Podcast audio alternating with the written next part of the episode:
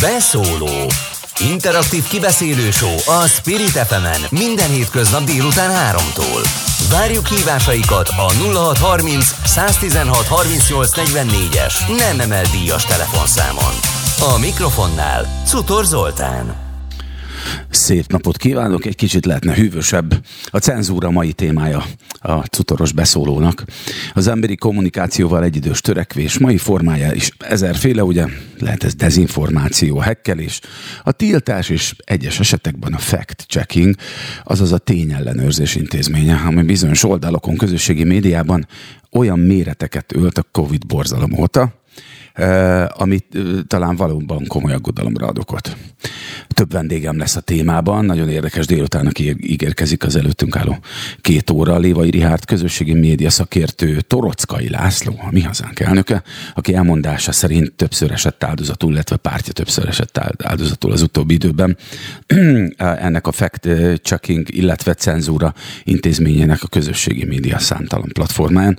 Diószegi Horváth Nóra, a Lakmusz újságírója, Tompos Márton, a Momentum országgyűlési képviselője, de már a vonalban van velünk Gosztoni Gergely, az LTAEK Magyar Állam és Jogtörténeti Tanszékének adjunktusa, a cenzúra Arisztotelésztől Facebookig könyv szerzője. Szervusz Gergely! Szervusz, sziasztok, üdvözlöm a hallgatókat! Majdnem, majdnem úgy hangzott, mint azt mondtam, hogy Szervusz Szergej, de ez egy teljesen másik műsor lenne. de szerencsére egyáltalán nem erről beszélünk, ha csak nem érintjük majd egyébként az orosz dezinformációs oldalakat, már pedig miért ne érintenénk. Mindig szerette, nagyon érdekes ez a könyv, hát nyilván nem tudtam elolvasni a beszélgetésünk előtt ezt a 200 oldalas könyvet, de hogy nagyon érdekes szemmelvényeket találtam magamnak benne, és én titokban megszereztem PDF-ben, és el is fogom olvasni. Mindig szerette reméljük, a kiadó, reméljük a kiadó nem hallja. Igen. ja, remélem, hogy a kiadók nem hallgatnak rádiót. Mindig szerette volna az ember a hatalom kézben tartani, hogy a, a többiek mit gondolnak, illetve mit tudhatnak meg a világról. Vajon miért lehetett ez? Hát nyilvánvalóan azért az első pillanattól kezdve, amikor ugye az emberi kommunikáció azért az beindul, akkor természetesen ugyanúgy, ahogy emberek vagyunk, azért ahogy kialakultak a kialakultak a hatalmi struktúrák, előbb a, a, a különböző közösségek, aztán a különböző állam, és ezek, ezekben az államokban ahhoz, hogy együtt éljenek az államok, vagy, vagy e, ezekben a közösségekben ahhoz, hogy együtt éljenek az emberek, természetesen szükség volt valami fajta, ma már azt mondanánk, hogy mondjuk csoportvezetőkre, vagy valami fajta eliteknek a kialakulására, és ahhoz, hogy az elitek azért valamilyen módon meg tudják tartani ezt az elit funkciót, ahhoz azért az nem árt, hogyha azzal is tisztában vannak, hogy egyrészt, hogy mit gondolnak az emberek, másrészt pedig, hogy mit kommunikálnak az emberek. Úgyhogy ebből következően a, a, a, azt szoktuk mondani, hogy a kommunikáció története, meg a, meg a kommunikáció megakadályozásának a története, ez majd, hogy nem kéz a kézbe jár az első pillanattól kezdve, és bár nincs arról arról információnk, hogy voltak-e olyan barlangrajzok, amiket aztán le kellett festeni, de mégis akár könnyen elképzelhető, hogy már az első pillanatban ez a de csúnya mamutot festettél a falra, ezt nem szeretném, illetőleg a Béla ott se volt a mamutvadászaton, tehát, hogy akár egészen idáig elvezethető, természetesen azért dokumentumaink csak azért az ókortól, de leginkább majd a, majd a középkortól vannak ezzel kapcsolatban. És te írtál egy egészen kimerítő összefoglalót, és nagyon érdekes összefoglalót erről a, még egyszer megemlítem a könyv címét, Cenzúra Arisztotelésztől, a Facebookig könyv, ugye, amiről beszélünk. Miközben, miközben válaszoltál az első kérdésemre, nem tudnám eszembe jutni, hogy hogy nem az a felfelbukkanó, rendre felfelbukkanó, és ma is sok helyen sajnos érvényesített megközelítés miatt nem, nem tudunk a cenzúrától megszabadulni, mert a bármikori hatalom képviselő azt gondolja, hogy a tudás veszélyes. És nem mindegy, hogy az emberek a tudás és az információ birtokába kerülnek-e vagy sem. Dehogy nem, természetesen. Ez, ez abszolút benne van, tehát ez egy nagyon, nagyon, nagyon valid gondolat. E, igazából az a nagyon izgalmas, hogy ugye maga nem akarok most itt belemenni, meg untatni azokat, akik részletesebben érdekel, akkor tényleg tudom javasolni, hogy hogy, hogy olvassál a könyvet, de hogy, de hogy azért ez az egyháznak, az államnak mindig is nagyon-nagyon fontos szerepe volt, és ahogy hallgattam, hogy ki lesz még itt a műsorban, ugye az egész problémakör ezzel az egész internet megjelenésével teljesen átalakult. Tehát, hogy, hogy ma az a cenzúra fogalom, ami egyébként hosszú évszázadokon keresztül tök jól szolgált minket, és nagyjából, ha leegyszerűsítem, akkor az volt, hogy a nyilvánossághoz eljutatott tartalmakat előzetesen megszűrték, és akkor előzetesen bemutattam a könyvet, és akkor azt mondták, hogy na ebből ez a 20 oldal ez nem jelenhet meg.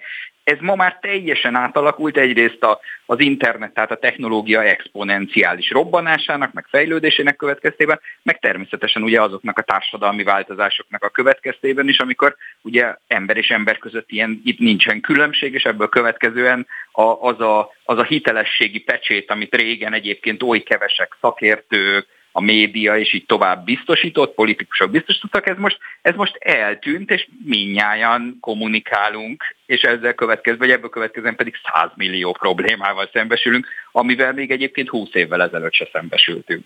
Én sokkal később szerettem volna eljutni erre a konklúzióra, amit most fog mondani, de hogy, hogy nem lehet, hogy, hogy az egész internetben igazán a legnagyobb veszély, és ugye az emberiség történetében soha nem néztünk szembe egy ilyen helyzettel, hogy a befolyásolásunk, illetve a félrevezetésünk lehetősége az sokkal nagyobb, mint az információszerzés, a tiszta, hiteles információszerzésének a lehetősége. És nem lehet, hogy ez az egészben ez a puskaporos hordó igazán? És nem az, hogy esetleg itt, valaki hülyeséget mond néha? Mm, én, én, ez, én ideig azért nem biztos, hogy elmennék, mert én azt gondolom, hogy pont az internetnek, bár az, amikor kialakult az internet, és akkor a, a, az internet korai teoretikusai itt azt gondolták, hogy majd akkor ez lesz itt a világ legszebb kommunikációs formája, végre mindenki, mindenféle belépési küszöb nélkül elmondhatja a véleményét, és akkor itt aztán a tömegek hangja az, az csodálatos demokratikus izé, folyamatokat, meg gondolatokat fog eredményezni, és akkor aztán látjuk, hogy ebből lett aztán a 4 meg az 8 meg az összes többi ezek, amit van egy, van egy amerikai professzor, aki ezeket a, az internet fenéklukának szokta nevezni bizonyos oldalakat, tudományos, ezek, kér, tudományos segíts, publikációkban. Hogy, hogy ezek Igen. mik, amit említettél? Igen, ezek, ezek, ezek olyan amerikai közösségi oldalak, ahol, ahol a, ahol a, a moderálás és a, és, a, és, és a mindenfajta tartalom megjelenését azt tiltják, tehát ebből következően bárki bármit fölrakhat ezekre az oldalakra, és ebből következően viszont szinte úgy, úgy értsd, ahogy van, hogy a bárki bármit, az tényleg a legvadabb őrült konteóktól kezdve abszolút a tudományosan alátámasztott tényekig minden megtalálható. Na most ezzel egyébként csak zárójelben mondom, hogy van egy óriási nagy probléma. És ez pedig a felelősség kérdése. Tehát, hogy természetesen most az, hogy most én mondjuk fölírom azt, hogy mit reggeliztem, miért ne írhatnám föl az internetre, hogy mit reggeliztem. De abban a pillanatban, amikor már mondjuk elkezdek becsület sérteni, elkezdek rágalmazni, elkezdek bármifajta jogellenes véleményeket megfogalmazni, onnantól kezdve fölmerül az a kérdés, hogy ki is a felelős mindezekért a, a, ezekért a tartalmakért, és itt kapcsolódunk hozzá a cenzúrához, meg a tartalom moderálás és tartalom engedélyezés kérdéséhez, hogy természetesen azért gondold vele, hogy te se szeretnéd, hogyha a házfaladra mindenki ráfújkálna a, izé, a, a, mi az ilyen graffitivel, hogy Béla hülye.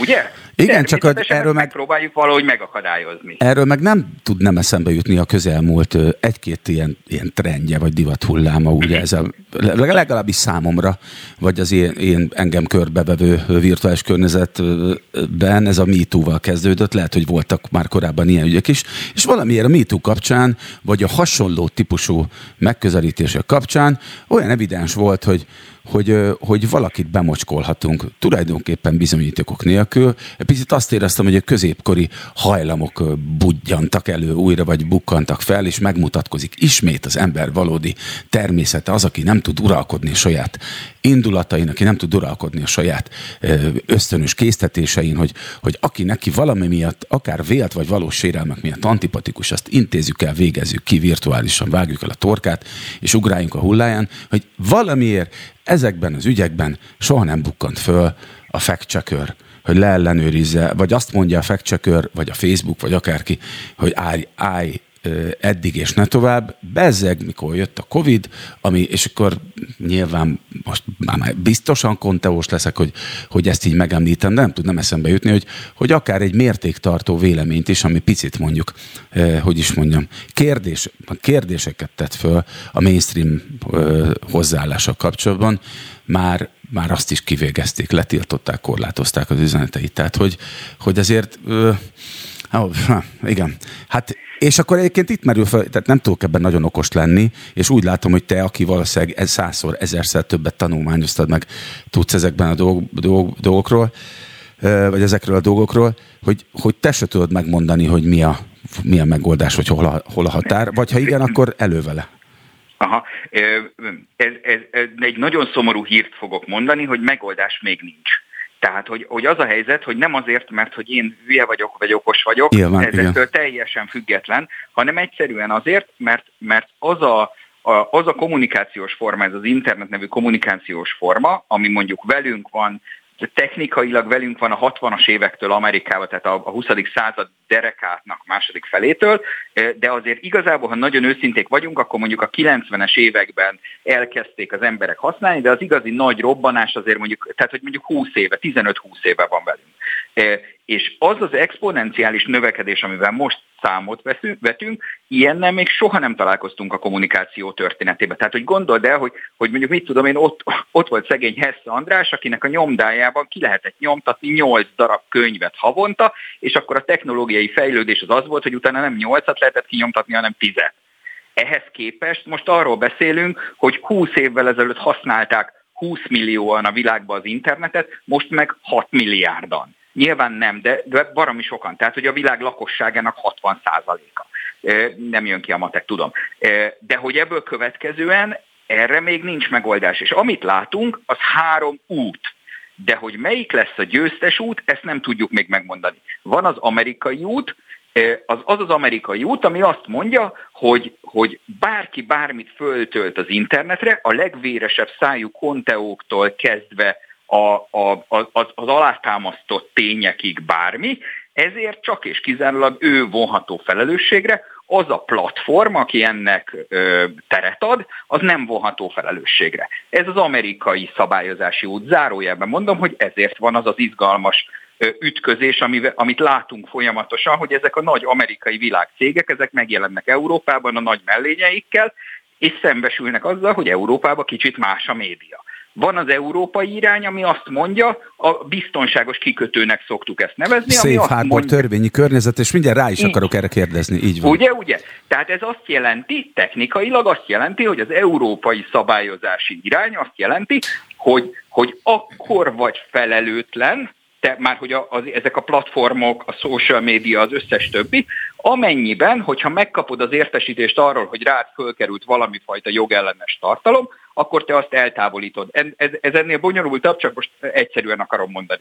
És van a harmadik irány, Kína, Oroszország, uh-huh. Ázsia, ami meg azt mondja, hogy figyeljetek, ne vacakoljunk már itt sokat, ez, hogy most ez most Facebooknak hívják, vagy Pesti tévének, vagy Spirit FM-nek, vagy tök mindegy minek, ez pont olyan, mint egy régi újság. Ebből következően ott vannak a régi szabályok, a szerkesztőség felelős a megjelent tartalomért.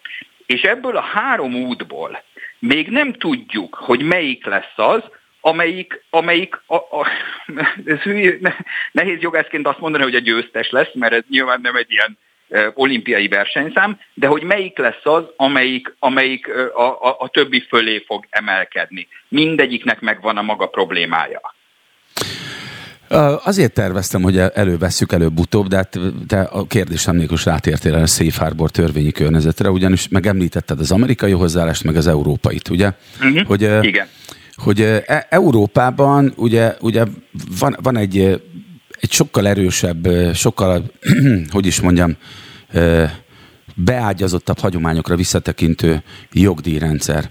És azért szeretnék erről egy picit beszélni ö, veled, mert ugye a, a 2019 márciusában meghozott változtatás, ugye Európában a szellemi tulajdon internetes uh-huh. jelenlétéről, az számomra legalábbis elsősorban arról szól, hogy ne, ne kereshessen valaki az én kihagyásommal pénzt úgy, hogy az én szellemi tulajdonomat felhasználja. Tehát az igazándiból nem a cenzúráról szól, hiszen se, nem jó egy filmesnek, egy zenésznek, egy újságírónak, egy irodalomban érdekelt bárkinek, akár kiadó, akár alkotó vagy előadónak az, ha nem jut el az emberekhez a tartalma. Inkább azzal volt a gond, hogy, és pont az általad is említett Safe Harbor törvényi környezet, ugye azt mondja, hogyha nem én vagyok a tartalomszolgáltató, csak technikai ta- platformot biztosítok a tartalomnak, akkor én nem vagyok felelősségre vonható semmiért. Tőlem nem kérhet senki pénzt sem azért, mert én egyébként azon a technikai platformon amúgy reklámot is értékesítek. Ez pedig olyan szinten ássa alá a, a szellemi tulajdonból szerezhető pénz, azaz a jogdíj intézményét, amit szerintem nem lehetett máshogy megoldani. Tehát nagyon-nagyon cinikus azt mondani, mikor olyan cégek, mint a Facebook vagy a Google, aki ugye a YouTube-nak is a tulajdonosa, azt mondják, hogy, hogy majd én a fizetek annyit, amennyit akarok, feltöltött tartalom, hogy nem én vagyok a felelős, a Safe Harbor törvényi környezet véd engem, hiszen én csak technikai platform vagyok. Nem, nem volt kérdés. De, Szívesen reagál a kérdés nélkül igen, is, mert, mert igen. Abszolút, abszolút valid, mert tehát ez egy kicsit kibontanám, már hogy, hogy egy kicsit nagy a big picture-ből nézve ezt a kérdést, mert, mert azért a szerzői és szomszédos jogok kérdésköre az mondjuk az interneten megjelenő tartalomnak, bármennyire is értem, nyilván zenészként ez, ez téged extrán érint, de ebből következően azért ez, ez mondjuk egy része. És ami az egyik izgalmas kérdés, hogy kell-e különféle szabályozás a különféle tartalomra. Tehát, hogy másképpen kell-e szabályozni azt, hogyha valaki fölrakja a, mit tudom én, az új Britney Spears albumot az internetre, vagy másként kell szabályozni akkor, hogyha valaki meg fölrak egy ilyen Facebook live kamerát, már hogy egy kamerát azon elindul a Facebook live-on, és elmegy Új-Zélandra embereket gyilkolni és ezt, ezt hm. élőbe rakja. Tehát van-e a tartalom és a tartalom között különbség, és van-e a tartalom és a tartalom eltávolítása között különbség? Tehát, hogy, hogy ha, ha, ha azt vesszük, akkor mondjuk, mit tudom én, egy szerzői jogi tartalmat, ha nem távolítok el 15 percen belül, akkor az nagyon-nagyon szomorú természetesen jogsértő, hogyha azt a példát vesszük, amit te, te mondtál, de azért olyan, olyan hogy ne, ne, nem megbántva senkit, világméretű hatása nem lesz. Ellentétben, bár, bár Franz tudja, hogy, hogy nyilván el tudok én is olyan példát mondani, amikor meg mit tudom én több millióan töltenék le azt a tudom én milyen számot. De ellentétben, ha meg viszont azt látom, hogy az ISIS lefejez embereket, vagy most már csak IS, de hogy lefejez embereket, akkor azt, azt viszont SOS-be el kéne távolítani. És akkor megint ugyanaz a te, az a kérdés, amit te is feszegettél, és ilyen szempontból mindegy, hogy ez most, ez most biztonságos kikötő, vagy nem biztonságos kikötő, de hogy mit gondolunk ezekről a szolgáltatásról, ezekről a szolgáltatókról, hogy ezek tényleg pusztán egy, egy, egy falat adnak-e nekünk, amire festünk, vagy és e, felé hajlunk leginkább, hogy ezek egyáltalán nem passzív szolgáltatók hanem ezek igenis aktív szerepe van, hiszen a te Facebook falad, meg az én Facebook falam, a te YouTube-od, meg az én YouTube-om, az nagyon-nagyon eltér egymástól. Mert természetesen... Bizony, mert fizielik a szokásainkat, az érdeklődésünket. Így van, pontosan. Így van. Ebből következően viszont már nem tudjuk azt állítani, hogy ezek csak pusztán Izé, technikai platformot adnak arra, hogy itt az emberek föltöltsék a tartalmakat, hanem igenis ezt ezeket a tartalmakat, ezeket valahogy kategorizálják, ezeket a tartalmakat, aztán pedig monetizálják. Tehát ebből következően bazi nagy bevételük van, abból, hogy aktívan részt vesznek. Ha viszont már aktívan részt vesznek, akkor bocsánat, onnantól nem tudnak a mögé bebújni, hogy jaj, sajnálom, hát én csak passzívan azt se tudtam, hogy miről van szó. Ez az egyik oldal. Akkor ez azt jelenti, hogy, hogy, hogy valószínűleg eh, te sem eh, inkább az amerikai, hanem inkább az európai megoldások vagy hagyomány felé hajlasz ennek a kezelésében? Eh, nyilván én is ebbe, ebben nőttem bele, tehát hogy azért Európában azért azt gondoljuk, hogy a médiának az nem egy ilyen puszta versenypiaci helyzet, hanem a médiának van igenis társadalmi szerepe, igenis kulturális szerepe, igenis demokrácia fejlesztő szerepe. Tehát, hogy mi Európában nagyon mást gondolunk a, a médiáról és a, és, a, és, a, és, a, és a szólásszabadság megvalósulásáról. Tehát igen, én, én, én inkább európai párti vagyok. De akkor mondok még egyet, ami, ami, ami viszont gondolkodásra ad okot, hogy van egy olyan adat, nekem az egyik kedvenc adatom, hogy percenként, még egyszer mondom, percenként 500 óra tartalom kerül fel a YouTube-ra. Ez egész komoly. Nem de, fogom mindent megnézni. De, de, de kérlek, mondd el nekem, hogy ki fogja ezt ellenőrizni.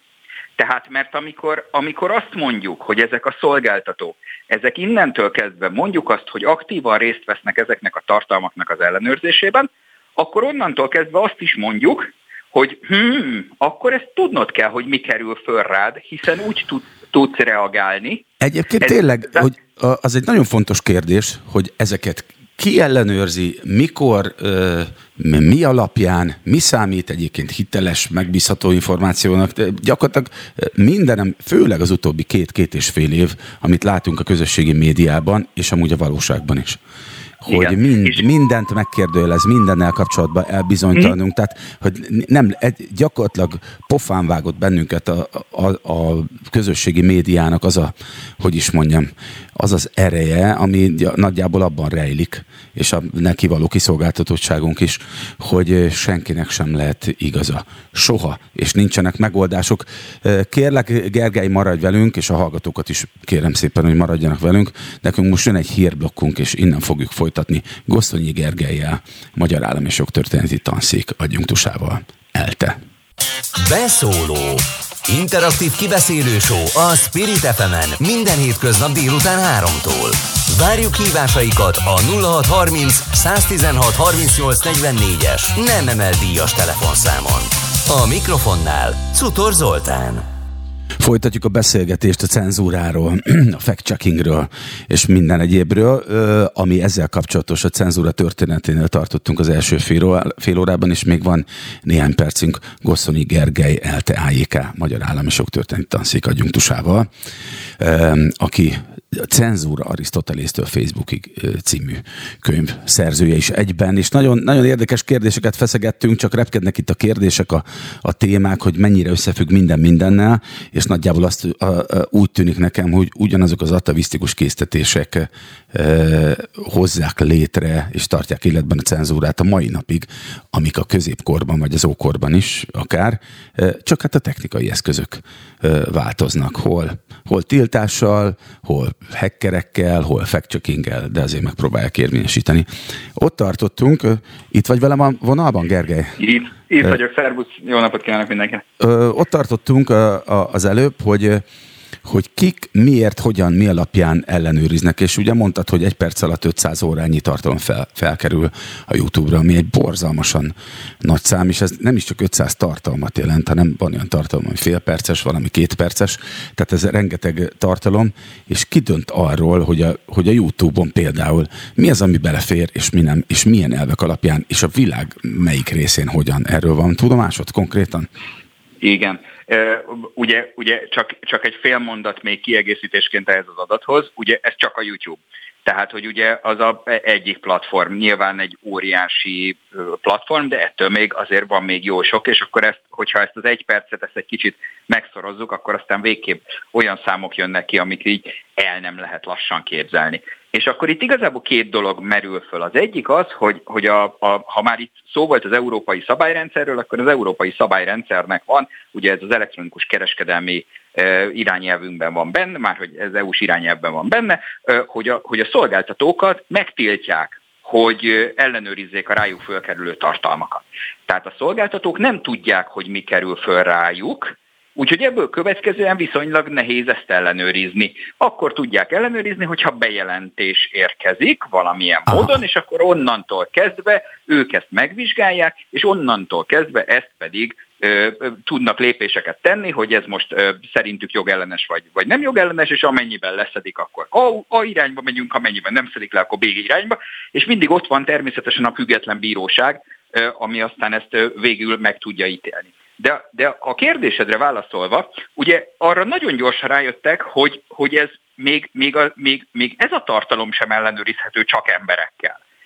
És ebből következően az emberi moderálást, vagy az emberi tartalom ellenőrzést kiegészítették a, ugye a mesterséges intelligencia tartalom ellenőrzésével, de mind a kettőnek egy csomó problémája van. Ugye az emberinek mi az egyik legnagyobb problémája? Ugye nyilván a lélekszám, már a darabszám, tehát az emberi erőforrásnak a darabszáma, a másik pedig, hogy, és ebből, jaj, nagyon, nagyon tudom, a, a Verge nevű amerikai folyóiratban írnak, a, elfelejtettem a keresztnevét, egy Casey nevű figura, a, a Facebooknak a moderátorairól ír nagyon hosszú cikkeket, gyönyörű, már hogy nem borzasztó, de gyönyörű, és azt mondja, hogy van körülbelül 5 másodperce arra, hogy egy tartalomról eldöntse, hogy jogszerű vagy jogellenes. És ez nyilván nagyon könnyű eldönteni arról, amikor látok valakit, aki lefejez valakit, mert ilyen tartalmakat is meg kell ítélni. Most azt képzeljük el, hogy valakinek ez a munkája.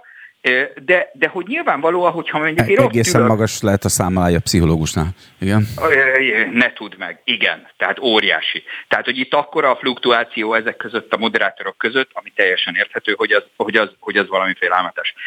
De most mit kezdünk egy olyan kisnyelvi, például magyar tartalommal, ahol mondjuk a moderátor ott ül Amerikába már eleve a nyelvet nem ismeri, de tegyük föl ismeri a nyelvet. Kicsi az esélye, de tegyük föl ismeri a nyelvet, és egyébként ugye azért ezek bizonyos, bizonyos nyelvi tartalmaknál azért alkalmaznak nyelvi, nyelvet tudó embert is. De hogy vajon tényleg minden finomságot érteni fog-e? Tényleg minden tartalmat, minden nyelvjárást fog-e érteni? Ezekkel természetesen probléma van. És akkor mi az emberiség megoldása? hoppá, mesterséges intelligencia.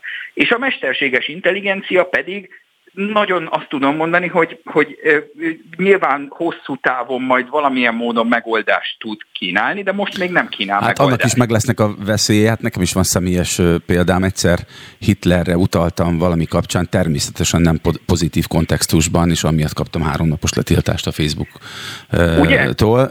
Nyilván az, én azt feltételezem, hogy azt nem ember, vagy nem, magy- nem magyarul tudó ember olvashatta el, hogyha ember Pontosan. volt. És hát ugye ezeknek az embereknek a kritikáját mindig meg meghatározza az, hogy egyébként milyen érdeklődésűek, mit gondolnak a világról, és nem tudnám eszembe jutni egy ilyen alapvetés, ami szerintem a legbajósabb árny, a, a közösségi média legbajósabb árnya. Néhány évvel ezelőtt nekem meg az ő neve nem jut eszembe. Egy amerikai tévéhoz, mikor, a, mikor nyugdíjba ment, akkor egy interjúban kérdezték, hogy mit gondol az információs társadalomról, mit gondol a közösségi médiáról, és azt mondta, hogy, hogy neki azért van szerencséje, mert le tud dolgozni úgy 40 évet, hogy az informáltak véleményének volt nagy respektje. Most az információs társadalomban az informálatlanok véleményének sokkal nagyobb respektje van, mint az informáltak véleményének, és ez tényleg nagyon tra- tragikus, eh, érvényes, nem is jóslat, hanem egy tény megállapítás gyakorlatilag. Az miért lehet, hogy jobban terjednek az álhírek, mint, mint a valódiak? Ez, nekem nem tudnám eszembe jutni az, hogy, hogy nyilván a, a politikai propagandában is sokkal jobban terjed az, ami,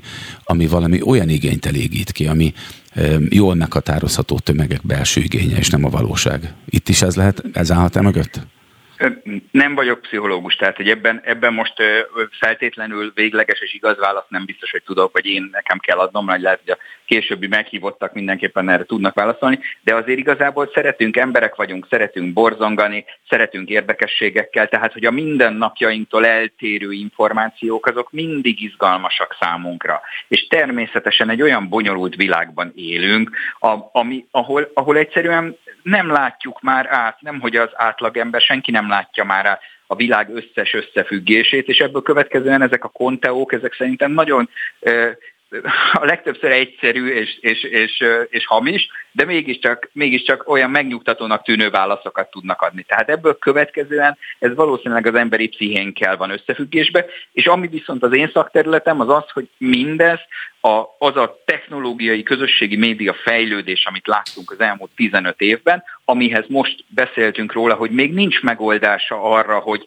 hogy, hogy hogyan is szabályozzuk ezt, ez, ez csak ráerősített. És akkor mondok még egy kérdést, ami aztán csak így a gondolkodásba még bele lehet venni, hogy vajon hol is kéne szabályozni. Tehát, hogy van-e értelme szabályozni hát a Facebookot Magyarországon, vagy supranacionális mondjuk EU szinten, vagy világszinten, vagy hol, és nem a Facebookot bántva ezzel, vagy nem a, nem a magyar, vagy bármilyen szabályozást, de hogy még erre sincsen igazi, végleges válaszunk, hogy hol is kéne szabályozni, ezt már egyszer kipróbáltuk. A tévénél, rádiónál ezt már kipróbáltuk, a nemzeti szabályozások önmagukban nem kínálnak megoldást, mert sajnos ezeket a jeleket, az internetet sem, meg a tévé, meg a rádió jeleket se, ezeket nagyon kevéssé izgatják ezek a piros vonalak, amiket a földrajzatlaszban megtalálunk. Tehát ebből következően, hogyha egyszerre akarjuk megtartani azt, hogy, hogy az internet egy határon átnyúló, olyan kommunikációs forma, aminek hihetetlen pozitívumai is vannak, hiszen 15 éve elképzelhetetlen volt, hogy az ember a barátaival sok száz kilométerre három másodpercen belül kommunikáljon. Tehát amikor a nehézségeket veszük, akkor vegyük mellé a pozitívumokat is, természetesen azzal, hogy a jognak ki kell találnia azt a szabályozást, és azt tudom mondani, hogy nagyon hamar ki kell találnia azt a szabályozást, ami ezekre a kérdésekre választ tud adni, de hogy, de hogy most még ilyen problémákkal a következő X évben biztosan fogunk találkozni, ez, erre föl kell készülni, és nagyon remélem, hogy tíz év múlva, amikor a Spirit FM-en beszélgetünk, akkor már arra fogunk, hogy jaj, de jó kis szabályozást alkotott. A, hát ámen, tudom, ámen, így legyen, de addig is ö, ö, nem tud megint nem eszembe jutni, amire már utaltam korábban, hogy a, hogy a befolyásolásunk lehetősége nőtt brutálisat, vagy félelmeteset, hogy le, lehetséges, hogy mondjuk az, tényleg az amisoknak van igaza, ugye, akik, akik azt gondolják, hogy nem használunk semmilyen technikai vívmányt, vagy, vagy éppen, hogyha mert ők legalább békések. De mi van, hogyha eljön újra a luditákkora, akik mondjuk nem, nem gépeket, hanem platformokat rombolnak le, vagy azokat semmisítenek majd meg mindenféle hacker módszerekkel? Nem hiszem, tehát, hogy, hogy én azt gondolom, hogy, hogy ez pont ugyanabba a körbe vagyunk most benne, mint amikor megjelent először a televízió, megjelent először a rádió, és, és mindenki az ördög művének tartotta. Biztos ismeri a hallgató, vagy ismered te is azt a híres, híres izé példát, amikor bementek az első moziba, és akkor jött a vonat és akkor, ja, persze, hogy ah, Le, fog, le fog jönni a pálya. Szerintem tök ugyanezt látjuk most is. Sőt, én Tehát, hallottam hogy, ilyen tanítást, hogy... és amúgy csak úgy zárójelben megjegyzem, így szubjektíve hajlamos is vagyok elfogadni, hogy a televízió az ördögházi tanítója. Vannak olyan esetek, amikor ezt egészen érvényesen tudjuk bizonyítani. Én nagyon köszönöm, hogy tudtunk beszélgetni. Még egy másfél óra nekem belefért volna Gosztonyi Gergely, ELTE AJK Magyar Állami Jogtörténeti Tanszék adjunktusába beszélgettünk. Szervusz! Innen Szervusz. folytatjuk a beszélgetést. Mégpedig Lévai Rihárd közösségi média szakértővel. Szervusz Rihárd, itt vagy velünk, nyugtasd meg. Igen, üdvözlöm a hallgatókat. Szerinted nem a cenzúra egy fajtája, amikor nem engedik eljutni a tartalmakat a tényleges követőimhez, csak akkor, hogyha fizetek érte? Nem egy ilyen cinikus megközelítés ez az ingyenes közösségi oldal koncepciónak? Tehát van, van egy oldalam, nyilvános oldalam, 15-20 ezer követővel, vagy akár 100 ezer követővel, de a furcsa mód azt látom, hogy, hogy a legtöbb bejegyzés nem hogy a like számok, vagy a reagálás számai, hanem, hanem az elérés is a töredéke annak, aki a tényleges követőszám. Ez nem egy cenzúra? Hú, ebben most nagyon belekezdtünk. Mert ez az ingyenesség, ez, ez azért két oldalú, hiszen ha most itt mondjuk a Facebookra beszélünk, ott szokták ugye ezt nagyon erősen a cég órára kopintva mondani, hogy hát ki volt valaha írva, hogy az ingyenes, és az is marad, és hát tulajdonképpen a felhasználóknak ez továbbra is ingyenes. Én minden információt, minden általam követett oldalnak az összes posztját ingyen meg tudom kapni mm, általában, tehát ez, ez azért továbbra is így van. Viszont, hogyha tartalomgyártóként, cégként gondolunk rá, akkor azért, ha kitágítjuk a kört, mi az a kör, ahol én bármi ingyen el tudok juttatni információkat, még tulajdonképpen a saját felületeimen se, hiszen a weboldalam az nincs ingyen, azért fizetnem kell. A hírlevelem sincs ingyen, valakinek azért is fizetnem kell. Ha könyvet adok ki, lehet, hogy ingyen fogom osztogatni az embereknek, de azért nekem ugyanúgy fizetni kellett, és ezekhez képest mondjuk az, azok a, a, a hirdetési költségek, amit elkérnek tőlünk a közösségi platformok, azért még mindig uh, töredékek. Az más kérdés, hogy volt egy erős időszak még egy jó tíz évvel ezelőtt, amikor nagyságrendekkel nagyobbak voltak mondjuk a Facebookon az elérési számok, vagy akár Instagramban is az elérési arányok sokkal jobbak voltak. Így van, még néhány évvel ezelőtt.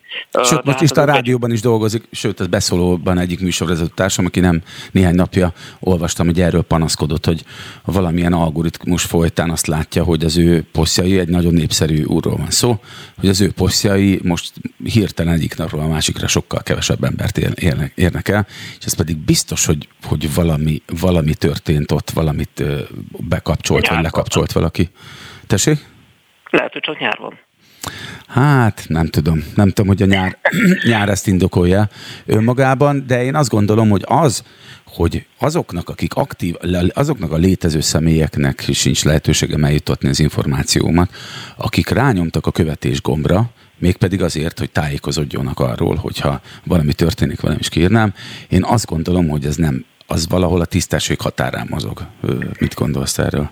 Hát én azt gondolom, hogy aki nagyon akarja, biztosan akarja megkapni a, a, a posztjaimat mondjuk itt a Facebooknál, akkor ott azért be tudja azt állítani, ugye be tudja csillagozni azt, hogy mindenképpen akar erről értesítést kapni. Van ugye, ilyen, YouTube-nál is van ilyen. Van ilyen lájkolom, van. van ilyen, hogy követem, és van ilyen, mindenképp követem, van ilyen opció is. Nem, a, nem, nem, nem, nem a, van egy olyan, hogy követem, és azt, hogy szeretnék értesítést kapni minden bejegyzésről, és akkor igen. ilyen kis csillagosan megjelenik a hírfolyam tetején, illetve ugyanúgy a, a YouTube-nál is lehet ilyen értesítéseket kapni. Tehát ezek általában megvannak, amit nem szabad figyelmen kívül hagyni, és sokszor valóban akár keltheti ez a cenzúrának a, a érzetét is, hogy mindenféle ilyen, ilyen csúnya algoritmusoknak a csúnya szándékait véljük itt a háttérbe, de elég észrevenni tudod azt, hogy hát a napunk az 24 órából áll, abból valamennyi időt eltöltünk a különböző közösségi platformokon, ott azért egyre több embert, egyre több oldalt, egyre több eseményt kezdünk el bekövetni, akik egyre több posztot írnak, és ezért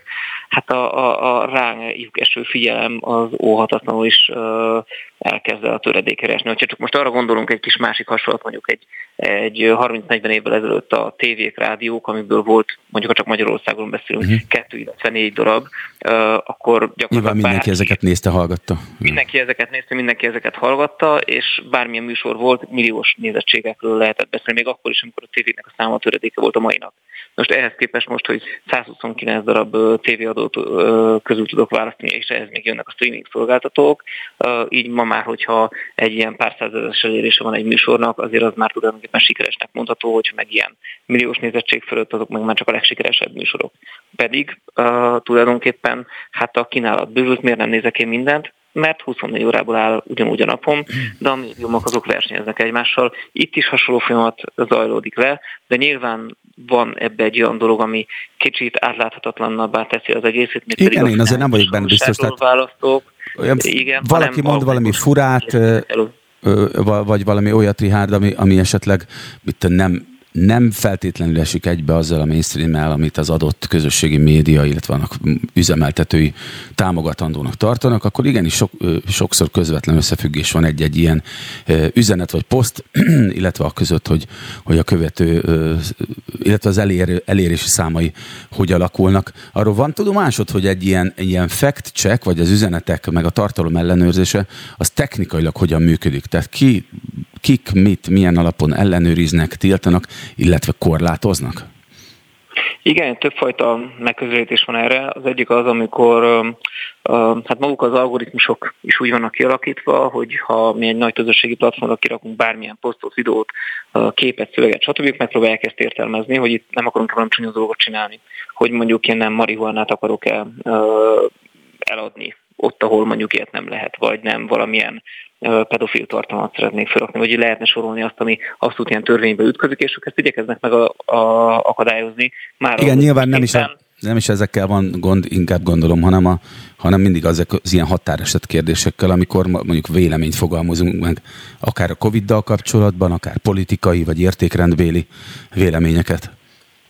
Így van, tehát így kezdjük, hogy vannak az algoritmusok, amik ezt elkezdik szűrni, és vannak ezeknek az ilyen törvényoldal, és van, amikor valóban határokról beszélünk, és ott, már azért egy sokszor valóban véleményes az, ami itt történik, hiszen az egyik oldal általában arra akár törvényi keretekkel is arra igyekszik szabályozni a, a közösségi platformokat, hogy mondjuk a, a gyűlöletbeszédet, az álhíreket és a, a mindenféle hamis információkat, azokat igyekezzenek megakadályozni. Vannak ugye olyan országok, amik erre konkrét időkereteket is adnak büntetésekkel kiegészítve, és, és hát ilyenkor viszont jön az, hogy, hogy hát igen, lehet, hogy én valamit valósnak gondolok, vagy van egyfajta véleményem, de ezzel képes vagyok másokat adott esetben egy rossz irányba befolyásolni, mert ők nem tájékozódnak mélyebben, és akkor most tulajdonképpen mi történt? Megvédett a közösségi oldal embereket arról, hogy, hogy félinformációkból tájékozódjanak, és esetleg így kövessenek el hibákat, megakadályozott valakit, hogy a saját véleményét szórja bele a nagyvilágba, ami az egyik oldalnak jó, a másik oldalnak adott esetben lehet, hogy rossz, és hát a közösségi platformok, ők pedig ott vannak valahol a, a légüres térbe, hogy nem tudják, hogy merre néznek, mint ez a mém a, a, a ponyvaregényből, igen, hogy, igen, igen. hogy, hogy igen, az egyik oldalról egy így van a travoltás mém, amikor az egyik oldalról próbálnak minket megszorítani, vagy őket próbálják hogy megszorítani, a másik oldalról meg folyamatosan püfölik a fejüket, hogy hát uh, itt folyamatosan cenzúráztok. Mi a helyzet a, a trollokkal? Ugye nagyon sok olyan troll van, akik hát hogy nem is olyan bántó esetben mondjuk egy picit idegesítőek, vagy nem olyan, de veszélyesebb az, amikor konkrétan kárt okoznak embernek, idejét elveszik valakit, valakit mondjuk rágalmaznak, becsmérelnek.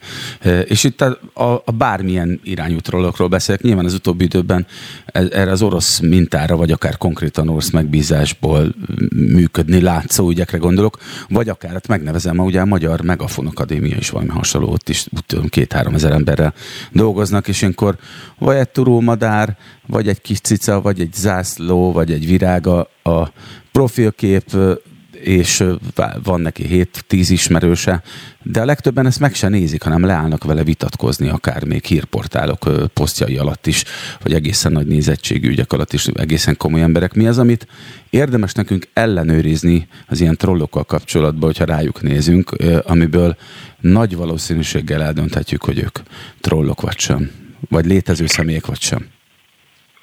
Ha ugye a mi oldalunkat nézzük, akkor nyilván az, hogyha rákattintunk ott az ők is nevére, és látjuk az ismerőseit, azt, hogy mi publikusul, mi nem, akkor az azért segíthet kialakítani egy olyan vélemény, de ugye megint véleményről beszélünk, hogy most az illetőtről vagy nem, amivel ugyanúgy lehet hibázni, de azért sokszor ez elég könnyen megállapítható, hogy valóban itt valamilyen hát most ártó vagy nem ártó szándékú, de valamilyen öm, céllal létrehozott ö, profilokról van itt szó, szó sok esetben.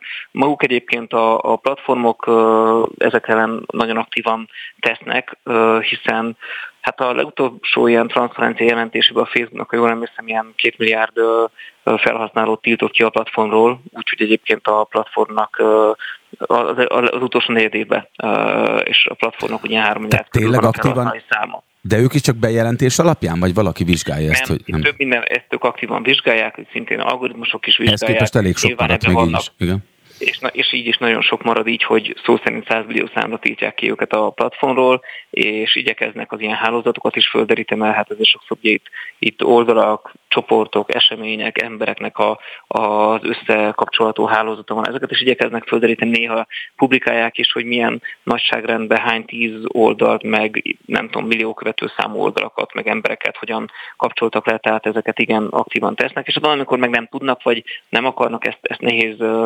megmondani, hajlamosak vagyunk azt feltételezni, hogy, hogy képesek lennének azért viszonylag pontosan kiszelektálni az összes olyan trollt, illetve hamis felhasználót, aki, aki a rendszerben van, de mivel ezt a saját becsléseik ezt ilyen 5-10% környékére becsülik különböző országokba, hogyha kis hiba határral dolgoznak, akkor is adott esetben több százezer valódi embert tiltanának ki a rendszerből, és ezek meg, amikor ilyenek történnek, akkor azért pár éve egyébként talán két éve nyáron volt egy hasonló eset, amikor Magyarországon is ilyen ezer számra tiltották ki a valódi profilokat, valószínűleg egy ilyen tisztogatásnak mondjuk ugye melléktermékeiként. Tehát azért, Igen, nekem is a... volt ilyen ismerősöm, aki egy vicces vezetéknevet választott magának, de hát létező volt, évek óta működött, mm. és, és tényleg teljesen normális volt, tehát semmilyen kártékony tevékenységet nem folytatott, és az ő profilját is így számolták föl. Visszatérve ezekre a trollokra, még van egy két-három percünk, hogy beszéljünk, és mindenképp ki akarom amennyire lehet vesézni ezt a témát. Felsejlett bennem egy ilyen kérdés, hogy nem lehet, hogy előbb-utóbb minden közösségi médium hasonló sorsa jut, hogy ellepik a, a, a szélhámosok, a bűnözők, illetve a szándékos megtévesztők, ugye már sokszor említett orosz propaganda mintára, de biztos, hogy a kínaiaknak, sőt, simán lehet, hogy mondjuk az EU-nak, vagy a NATO-nak, vagy az Egyesült Államoknak is vannak ilyen törekvése, mint ahogy látjuk egyébként ugye a magyar kormány törekvéseit. A Megafon Akadémia képviseli, ami hasonló ö, protokollal működik, hogy a mindent relativizálók, a cinikusok, a megtévesztésre és félretájékoztatásra ö, törekvők a megbélyegzésekben utazók, majd így annyira ellepik ezt az egész, annyira megmérgezik ezt a, ezt a virtuális teret, hogy, hogy egy józan paraszti észsel is minden jó érzésű ember egy idő után elfordul ezektől. Fennáll ennek a veszélye vajon? Abszolút fennáll, és van is ilyen tendencia. Ha most belegondolunk abba, hogy hogy 10-15 év, amikor itt a Facebook elkezdett Magyarországon begyűrűzni, akkor tulajdonképpen elkezdett nagyon sok ember ilyen nyilvános társadalmi életet élni ott, mármint arra gondolok, hogy ilyen családi fotókat osztott meg, beszélgetett témákról, stb. Aztán, aztán ahogy, ahogy meglátták ennek részint az adatvédelmi, meg az egyéb személyiségű következményét részint, az ilyen különböző trolloktól, meg egyéb ilyen szereplőktől származó negatív következményeket, így sokan a kommunikációjukkal inkább ilyen olyan platform felé fordultak, ahol zártabban bizonyos emberekkel tudnak csak megbeszélni dolgokat, messengerek, meg illetve különböző üzenő platformok. Tehát ez az egyik irány. A másik, ami, ami szintén ennek köszönhető, hogy a egyre több platformon már nem is az ilyen newsfeed jellegű tartalmak a legnépszerűbbek, legtöbbet használtak, hanem az ilyen story jellegű tartalmak, amik ugye egyrészt eltűnnek, másrészt pedig a reakciók nem publikusak, és, és ennek köszönhetően sokan jobban biztonságban érzik magukat ennek a használatánál, és ugyanúgy a megosztási vágyaikat ki tudják élni, de közben, hogyha már nem lesz értelme őket annyira betámadni, vagy ha kevesebb lájkot kapnak, mint a Milyen érdekes, hogy nem jutott eszembe, de sokat gondolkodtam ezen az utóbbi időben, hogy miért ennyire népszerűek a sztori jellegű tartalmak, és szerintem is egyrészt azért, mert hogy eltűnnek, a javarészük ugye eltűnünk, tehát nyilván ki lehet őket így, így bökni oda az oldalra, hogy ott maradjon, de hogy, de hogy inkább eltűnnek, és hogy az oda kerülő kommentek, ha jól tudom, de javíts ki, hogyha nem így van, hogy nem, nem is nyilvánosak, tehát lehet, hogy megkapja maga a posztoló, de a legtöbb Igen, rossz májú kommentelőt inkább az érdekli, hogy mások mit szólnak az ő kommentjéhez, mint az, hogy maga a posztoló mit szól ehhez. Uh, illetve hát van egy ennek egy olyan hatása, hogyha most én egy publikus poszt alatt mondjuk egy Facebook newsfeedbe írok egy kommentet, akkor azt az ismerőseim látják, ők könnyebben oda hmm. tudnak jönni, vagy meg tudjuk azt könnyebben osztani, hogy hú, akkor most mindenki kommenteljen ide valamit. Ugye ezt látjuk sokszor a hírportáloknak a különböző cikkeinél, ahol irányítottan érkeznek sokszor, vagy úgy tűnik, mintha irányítottan érkeznének uh, uh, különböző célú kommentek. Na most ugyanez egy sztorinál nem nagyon tud megtörténni, mert nem látja más, hogyha én oda kommenteltem, csak valóban az, aki, akinek ezt megírtam. Tehát ez egy ez ilyen szempontból egy biztonságosabb közel egyértelműben.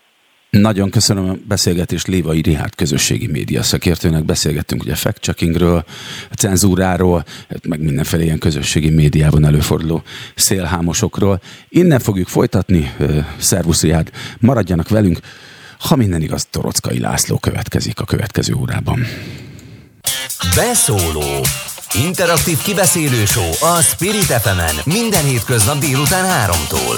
Várjuk hívásaikat a 0630 116 38 es nem emel díjas telefonszámon. A mikrofonnál Cutor Zoltán. Folytatjuk a beszélgetést. Fact-checking, internetes és egyéb cenzúra ügyében is egy régóta várt vendég van a telefonvonal másik oldalán. Torockai László, mi hazánk elnöke. Jó napot kívánok! Jó napot kívánok! Többféle beszélgetést megnéztem. Ugye a legutóbb, amit láttam, Siffer Andrással történt beszélgetést ugye a, a cenzúráról, de, de van egy Szerintem több közös ismerősünk van, egyik ezeknek Letol Tamás, ugye én magam is szegedi vagyok, és gyerekkoromban egyébként nagyon sokat jártunk kirándulni az ásóthalmi erdőkbe. Letol Tomit is régóta ismerem, és, és egész sok mindenben nagyon is egyetértünk vele hallottam, hogy Dóra parlamenti élőzését is korlátozza a Facebook, mert néha az önfeje is látszik a képen. Ez tényleg megtörténhet? Tényleg előfordult ilyen? Aztán majd rátérünk a Covid-ra, meg az egyéb ügyekre is, de ezt szerettem volna tisztázni, hogy ez, hogy ez valóban megtörténik-e. Ez így van, egészen szürreális a helyzet, hiszen 2019. május 17-én közvetlenül az európai parlamenti választások előtt, ugye a kampány hajrában mindenféle előzetes figyelmeztetés vagy, vagy későbbi indoklás nélkül egyszerűen a Ugye a Facebook törölte a, a akkori Facebook oldalamat, 200 ezer, 207 ezer követő volt egészen pontosan, akkor az elég soknak számított, illetve a legaktívabb oldal volt a, a Facebook. Igen Facebook, Facebookozó politikusok közül, tehát gyakorlatilag az nekünk az akkori videók, amikor oda felkerültek, ilyen milliós, egymilliós megtekintésű videók voltak.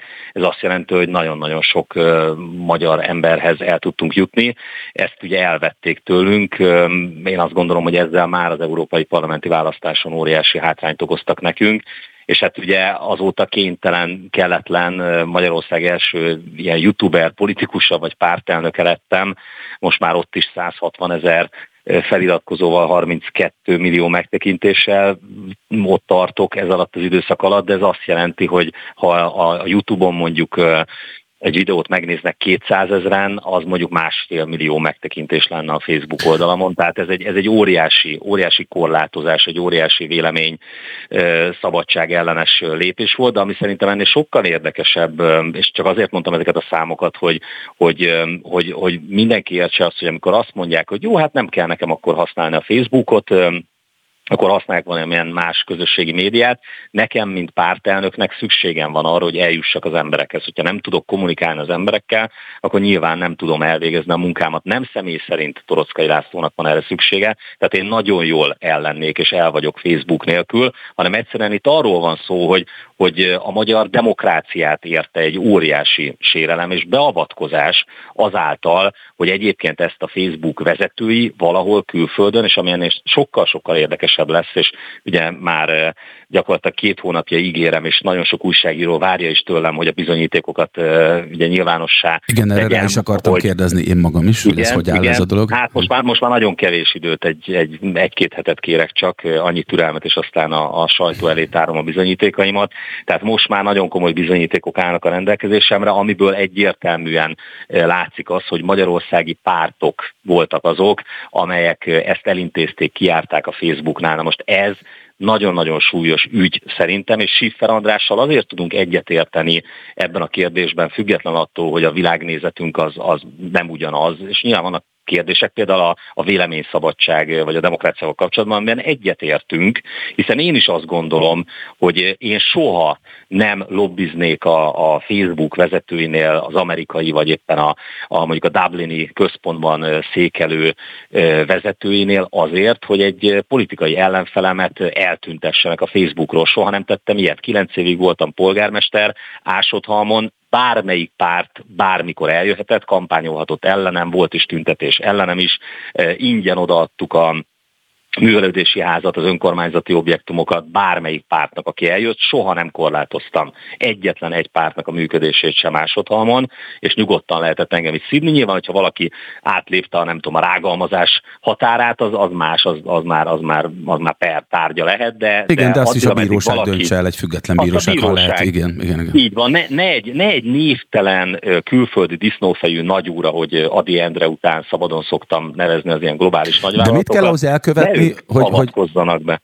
Mit kell az elkövetni, hogy hogy Torockai László arca is tilos legyen a Facebookon, mert ugye erről van szó, tehát idáig jutottunk. Igen, tehát az igen, mi... igen. Tehát hogy itt, itt nem, csak, nem csak arról van szó, hogy elvették tőlünk ezt a, ezt a lehetőséget, ezt a kommunikációs lehetőséget, ami óriási versenyhátrányt jelent a többi párttal szemben, és ezt magyarországi politikai ellenfeleink pártok intézték el, erről fogom bemutatni majd a bizonyítékokat. Egyébként szerintem ez nagyon súlyos ügy, és nem csak Magyarországon, hanem szerintem ez nemzetközileg ennek komoly esély, vagy nemzetközileg, nemzetközileg lesz vízhangja, ugyanis ilyenről nem tudunk, ilyen bizonyítékokat soha senki nem mutatott be, hogy politikai pártok intézik el a Facebooknál, hogy más politikai ellenfeleiket egyszerűen, egyszerűen töröljék, ignorálják, elnémítsák, befogják a száját.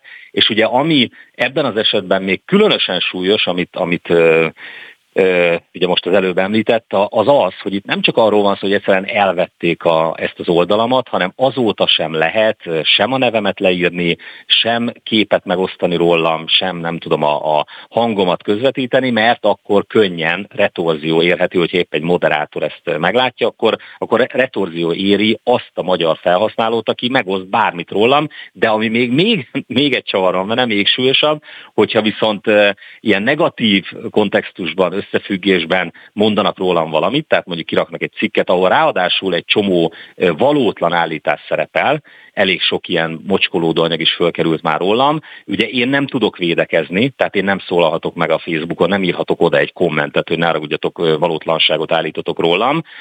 Viszont azt fönt szokta hagyni a Facebook, tehát ráadásul szelektál a velem kapcsolatos posztok esetében, de hogyha bárki tárgyilagosan, vagy akár szimpátiával valamit megoszt rólam, akkor Ezt könnyen törni. kapott tiltást, törlést, igen, és volt, aki elveszítette emiatt, én miattam a, a posztját. Például ugye Ásodhalmon uh-huh. az Ásodhalmi önkormányzat elveszítette oldalait, yeah. amiatt uh-huh. volt, volt egy ilyen konkrét ügy, hogy átadtam a felújított óvodát, és építettünk egy bölcsödét, és a poszt szövege annyi volt, hogy Toroszkai László polgármester átadja a, a most megépült Mátyás király óvodát és bölcsödét, és ráadásul még gyerekek is látszottak szülőkkel, stb.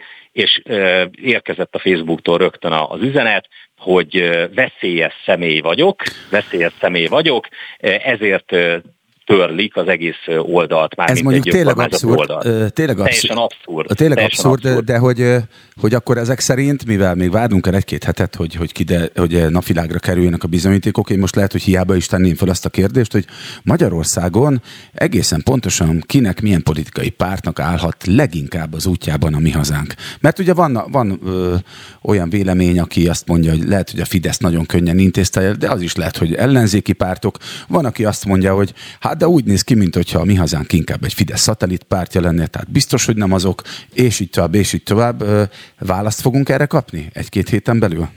Teljesen egyértelmű válasz. Nem csak a pártokat fogom megnevezni, hanem a konkrét politikusokat. Tehát politikusok neveit is nyilvánosságra fogom hozni, akik ezt kiárták. Annyit azért előjáróban hadd mondjak, én ezt, hogy most nem tudom, a, a, hát a Fidesz szatellit párt, ugye ez a vád, ez ugye a Jobbiktól indult akkor, amikor a Jobbik ketté szakadt 2018-ban, most már ez ugye történelem, ezt ők találták ki, és mivel a Jobbik egybeolvadt a DK-val, és ugye a többi baloldali vagy balliberálisnak mondott pártal, utána ezek a pártok is átvették elkövették ezt a, ezt a hazugságot. Szerintem ezen már túl vagyunk, hiszen most már nem csak, hogy parlamenti pártá vált azóta a mi hazánk mozgalom, hanem a jelenlegi felmérések most már sorozatosan, a medián felmérés, most ugye a nézőpont felmérés, tehát minden kutató cég most már hetek óta gyakorlatilag másfél hónapja azt mondja, hogy a legerősebb ellenzéki pártá vált a mi hazánk mozgalom. Tehát ha itt szatellitpártok vannak, akkor azok most a balliberális pártok között vannak. Mondjuk éppen most a Jobbik lett ugye mondjuk a DK vagy a Momentum, a DK szatellitpártja, egy százalékos párbeszéd, az egy százalékra mért MSZP. Ezek szatellitpártoknak lehet nevezni. Én nem szoktam egyébként, tehát én nem szeretem ezt a minősítgetést. Szerintem ez legyen az emberek dolga, legyen a választók dolga, a politikusok, az... az újságírók dolga. De, de hogy a kérdését ne kerüljen meg, uh-huh. a, a Konkrétan ebben az ügyben azért azt látni kell, hogy a Facebook esetében a Dublini központban, és most nem beszélek az amerikai helyzetről, mert ugye Amerikában hasonlót tettek Donald Trumpal. A hivatalban lévő, akkor még hivatalban volt, hivatalban lévő amerikai elnökkel, annak ellenére, hogy amerikaiak 10 milliói szavazatával, amerikai 10 millióit képviselte Donald Trump, ezt meg lehetett tenni. Tehát ezek után ne csodálkozunk, hogyha egy magyar pártelnökkel is ezt meg tudják tenni. Azt kell tudni, hogy a Dublini központban, akik ugye mi is leveleztünk a Facebook több vezetőjével ebben az ügyben, Dúró Dóra, akkor még ugye ő volt egyedül közöttünk parlamenti képviselő, leveleztünk velük, Konkrétan azok, akik az úgynevezett politikai ügyosztályt vezetik, tehát önmagában az, hogy van egy ilyen ügyosztály, szerintem ez is elég rosszul hangzik a Facebooknál, van egy ilyen, azok az emberek, akik, akik ezzel foglalkoznak, közülük a többség az korábban politikus volt. Tehát a, még egyszer mondom, Facebook Igen, ezt Dublin, Írországi központjában, Igen. olyanok vannak közöttük, például brit, egyébként lovaggá ütött ször nek ütött brit politikus, aki korábban európai parlamenti képviselő volt. Igen. Nevezzük, nevezzük balliberális Igen, én ezt is hallottam, hogy, hogy valószínűleg balliberális politikusok, de azért hoz zavarba, amikor mondjuk a Toroszkai Lászlótól hallok ilyen jelzőket, mert, és akkor most térjünk rá erre, amit a Covid-ban képviseltek, ami számomra igenis támogatható volt, sok minden más egyébként nem, de ez az számomra kimondom, hogy ilyen üdítően támogat, sőt, nekem az egy kapaszkodó is volt, amit akkor a mi hazánk képviselt ebben, viszont én úgy gondolom, hogy amit Covid kérdésben a mi hazánk képviselt, az valahol igazándiból, valahol az az igazi liberalizmus nekem, valahol az volt az az álláspont, ami az emberi önrendelkezést akár, akár nemzeti szinten, akár egyéni szinten leginkább képviselte, szemben azzal, ami amúgy a liberálisnak nevezett pártok álláspontja volt Covid ügyben. Ez hogy egyeztethető össze? Ez úgy egyeztethető össze, hogy ezek a hagyományos politológiai megnevezések, amik a francia forradalom idején kialakultak, jobb oldal, bal oldal, aztán ugye a 19. században lettek ugye népszerűek a nacionalista, liberális irányzatok. Tehát ezek a meghatározások, jobb és bal oldal, liberális oldal, ezek mára elveszítették a jelentőségüket, ugyanis Nehéz tiltakozni, ma, így van. Ma, ma, igazi, ma igazi baloldali pártot, ha keresünk a parlamentben, vagy igazi jobboldali pártot, akkor valljuk be őszintén, hogy, hogy komoly, komoly probléma, vagy komoly, komoly nehézségekbe ütköznénk, hogy, hogyha szeretnénk ilyen pártot találni. Tehát ez a, ez a hagyományos, én azt gondolom egyébként a 21. század, ez a modern, kicsit ilyen kiber irányba haladó világ, ez, ez ma már meghaladta, tehát ennek ma nincs igazából értelme, hogy melyik a jobb oldal, most a Fidesz, mások a kihívások, igen, a helyzetek. Mitől, igen, igen megváltozott, megváltozott a világ. Én azt gondolom, hogy jelenleg ma, és ezt nyilván nem csak én mondom egyedül, de hogy alapvetően egyébként két típusú, két típusú párt létezik, nem csak Magyarországon, Európában, sőt a nagyvilágon általában. Az egyik az az, ami, ami egy hagyománytisztelő, szoktuk ezt itt Magyarországon nemzetinek nevezni, de mondjuk úgy, hogy, hogy hagyománytisztelő, a másik pedig egy, egy globalista. Most a globalista irányzat az, ami, ami elfogadja azt, hogy ez egy normális dolog, és ez, ez sem lehet egyébként magában kapitalizmusnak nevezni, de elfogadja azt, hogy vannak az egyenlők és vannak az egyenlőbbek. Az egyenlőbbek azok a, a pénzemberek, nagy globális nagyvállalatok, cégek, akik bármit megtehetnek. Az, amiről eddig beszéltünk a Facebook kapcsán, az is erről szól, hogy ezek a globális nagyvállalatok, mint például a Facebook, ez megteheti azt, hogy beleszól a, a magyarok döntésébe, beleszól a demokratikus választási folyamatba. Ő eldönti, hogy egy politikus, egy politikai erő nem jelenhet meg, sőt, retorzió érhet bárkit, hogyha megoszt róla akármit. Nem beszélve a jó hírnevem megsértéséről, amikor ugye a Facebook definíciója szerint a veszélyes személyek kategóriába olyanok tartoznak, mint tömeggyilkos, sorozatgyilkos, emberkereskedő és szervezett gyűlöletkeltő. Hát nyilván engem ide sorolnak, mert ugye sorozatgyilkosnak vagy tömeggyilkosnak talán azért nem lehet nevezni engem, de, de tényleg nagyon-nagyon súlyos. Szerintem ez egy nagyon súlyos ügy. Tehát a kérdés az, hogy elfogadja egy párt, hogy így működik a világ, és ebbe, és itt jön a Covid, hogy elfogadja azt, hogy a gyógyszeripar aminek óriási hatalma van, bizonyos szempontból még nagyobb hatalma van, mint mondjuk a közösségi médiát tulajdonló globális nagyvállalatoknak, hogy ez a gyógyszeripar eldöntheti azt, hogy korlátozza az életünket, és elmondja azt, hogy hogy kötelező, nem tudom, felvenni egy olyan oltást egy olyan vírus ellen, amiről amivel kapcsolatban ugye dr. Leto Tamás ugye is elmondta, hogy hogy bizony tudományos alapon ő azt látja, hogy, hogy nagy valószínűséggel emberi gondolatok vagy emberi munka is lehet ebben a vírusban, amit ugye az elején tiltottak a Facebook korlátozott, letiltott, törölt ilyen posztokat, aztán 2000, hogy is volt, 21 májusában, hogyha jól emlékszem, ugye akkor adta ki egy közleményben a Facebook, hogy mostantól lehet erről beszélni és posztolni, mert, mert olyan információk szivárogtak ki, hogy igen, ez valószínűleg laboratóriumból eredt vagy indult világ. Igen, most már egészen objektív tanulmányok is igen, utalnak erre. Igen. Így van, így van. Tehát, de önmagában az, hogy, hogy diskurzust, párbeszédet lehet erről folytatni, de ez is mennyire durva, nem? Tehát, hogy, hát, hogy addig nem valóban, lehetett erről valóban. beszélni. Tehát ezt azt hát nyilván nekem is ez a COVID, kinyitott COVID a bicskát a zsebembe, az biztos.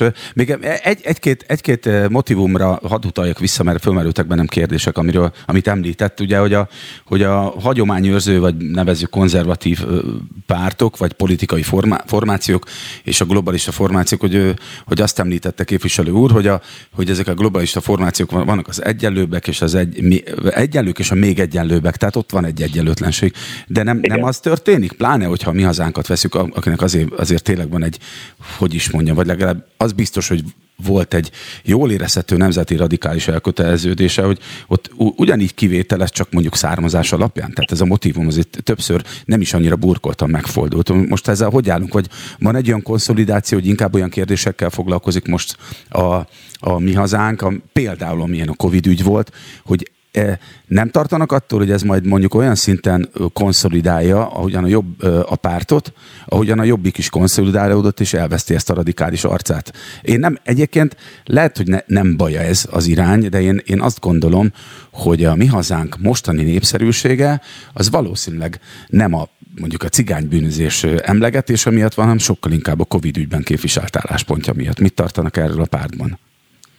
Hát én úgy szoktam azt e, erre, erre mondani, e, vagy erre úgy szoktam válaszolni, hogy e, a valós problémákkal foglalkozunk. Hogyha az a valós probléma jelenleg, hogy megbomlik egy településen a rend, mert mondjuk a cigánytelepen elképesztő állapotok vannak, akkor uh-huh. arról kell beszélni. És egyébként az nem érdekel, hogy most egy politológus, vagy mondjuk egy belpesti nem tudom, kávézóból politizáló, nem tudom, közszereplő azt mondja, hogy ú, ez szörnyű, szörnyűséges és rasszizmus, minket ez nem érdekel, mert nem a rasszizmus miatt foglalkozunk a témával, vagy nem azért, mert nem tudom, minden cigány mi utálnánk, hanem azért foglalkozunk vele, mert van egy ilyen probléma.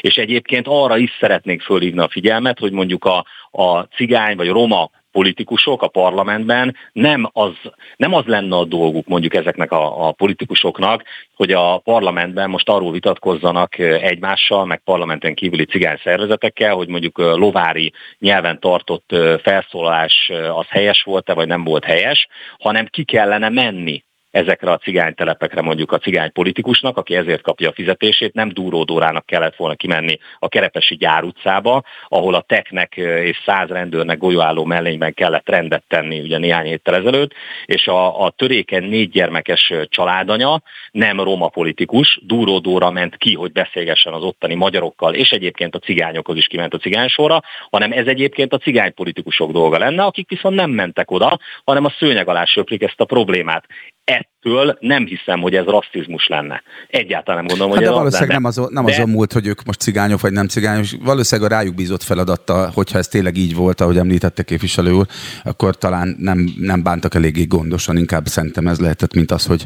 hogy a... Hát, de, de, hmm. de bizony, bizony, bizony, bizony szubkulturális jellege van ennek a dolognak, ezt mindenki tudja Magyarországon, tehát kerülgethetjük a forró kását, de a hallgatók is pontosan tudják, mindenkinek volt már ilyen tapasztalata, és nyilván az nem előítélet, és főleg nem rasszizmus, hogyha mondjuk azt mondjuk a 15 éves lányunknak, hogy este 11 órakor mondjuk miniszoknyában ne feltétlenül a cigánytelepen keresztül gyere haza, vagy mondjuk Nyugat-Európában ne a többnyire afrikai vagy délázsiai, mondjuk többnyire muszlim országokból érkező bevándorlók által lakott negyeden menjen haza az embernek a 15 éves lánya a nyári nagymelegben miniszoknyában. Nyilván messzire vezet, tudja. Messzire vezet ez, vezet ez a kérdés, csak én, én ilyenkor a legelső dolog, ami eszembe jut ilyenkor, hogyha elviszük a falig, és tegyük föl azt, hogy tényleg egy olyan hipotézis, amit én nem képviselek, de tegyük föl azt, hogy valamiért kétséget kizáróan sikerül igazolni, hogy ez mondjuk tényleg genetikailag meghatározott ez a dolog, és kezünkbe kerül egy olyan dokumentum, hogy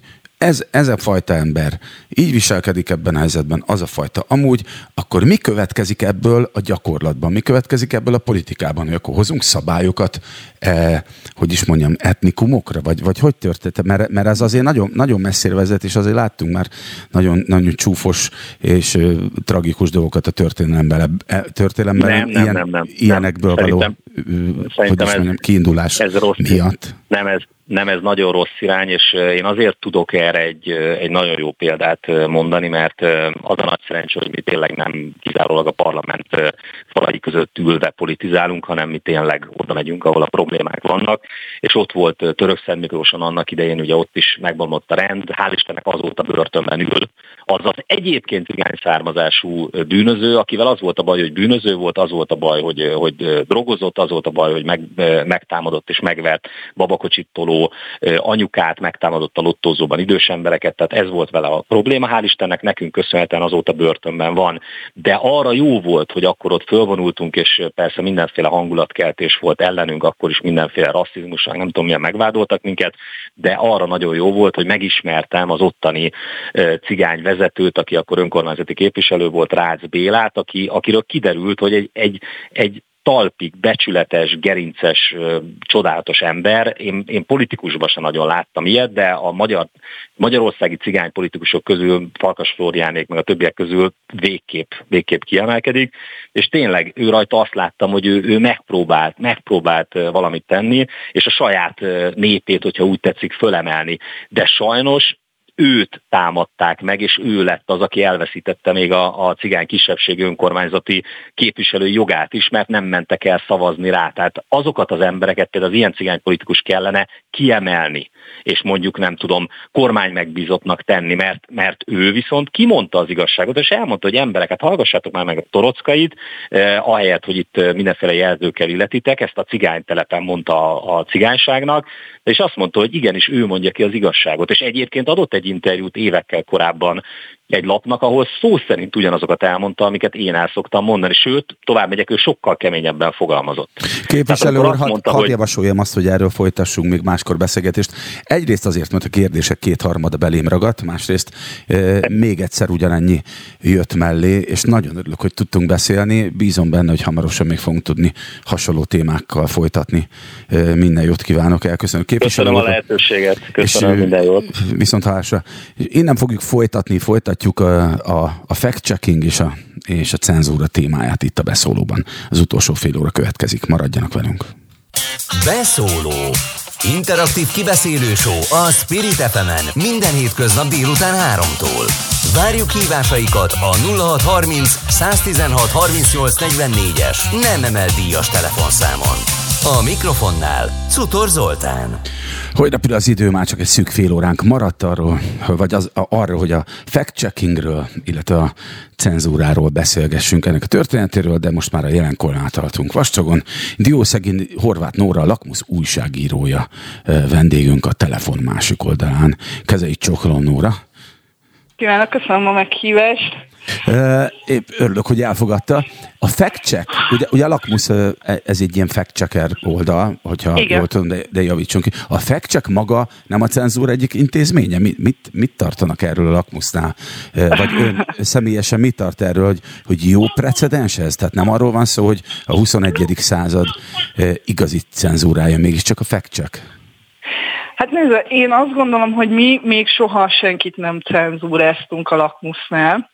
Uh, amit mi csinálunk, az ugye a tényeknek az ellenőrzése. A mi feladatunk az az, hogyha van egy állítás, akkor azt ellenőrizzük, hogy ez igaz-e, vagy nem igaz. Én nem gondolom, hogy ez cenzúra lenne. Igen, mert hogy annyiban mindenképp egyet kell, hogy értsek, hogy, hogy valószínűleg a lakmusz még soha nem tiltott le senkit a Facebookról, vagy nem tiltott ki közösségi portálokról, vagy éppen nem. YouTube videókat nem, nem tiltott le. Tehát az nem baj, hogyha van. Mi alapján határozzák meg, hogy, hogy kinek mikor milyen megállapítása helyes, vagy nem helyes? Az mondjuk egyértelmű, hogy mikor ilyen politikai vagy háborús propaganda cikkeket olvasunk egy-egy eseményről, hogy ez valójában megtörtént, vagy sem. De hogy tesznek ilyet tudományos tudományos véleményekkel is?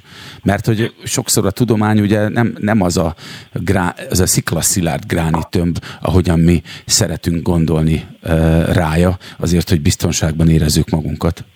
Igen, ebben egyébként teljesen igaza van, hogy a tudomány az egy olyan egyébként dinamikusan fejlődő terep, ahol, ahol nehéz általános igazságokat elfogadni, ugye nagyon sokan nagyon sokáig nem itték el sem, hogy a föld gömbölyű, Úgyhogy ezzel kapcsolatban azért vannak persze bizonytalanságok. Az, hogy mi mi alapján vizsgálunk meg egyes kijelentéseket, az, az a lakmusznak egyébként a honlapján az alapelveink köztel is olvasható. Az egyik legfontosabb az az, hogy véleményekkel például nem foglalkozunk, hiszen azoknak nincsen olyan konkrét állítás alapjuk, ami, ami, ami csekkolható lenne.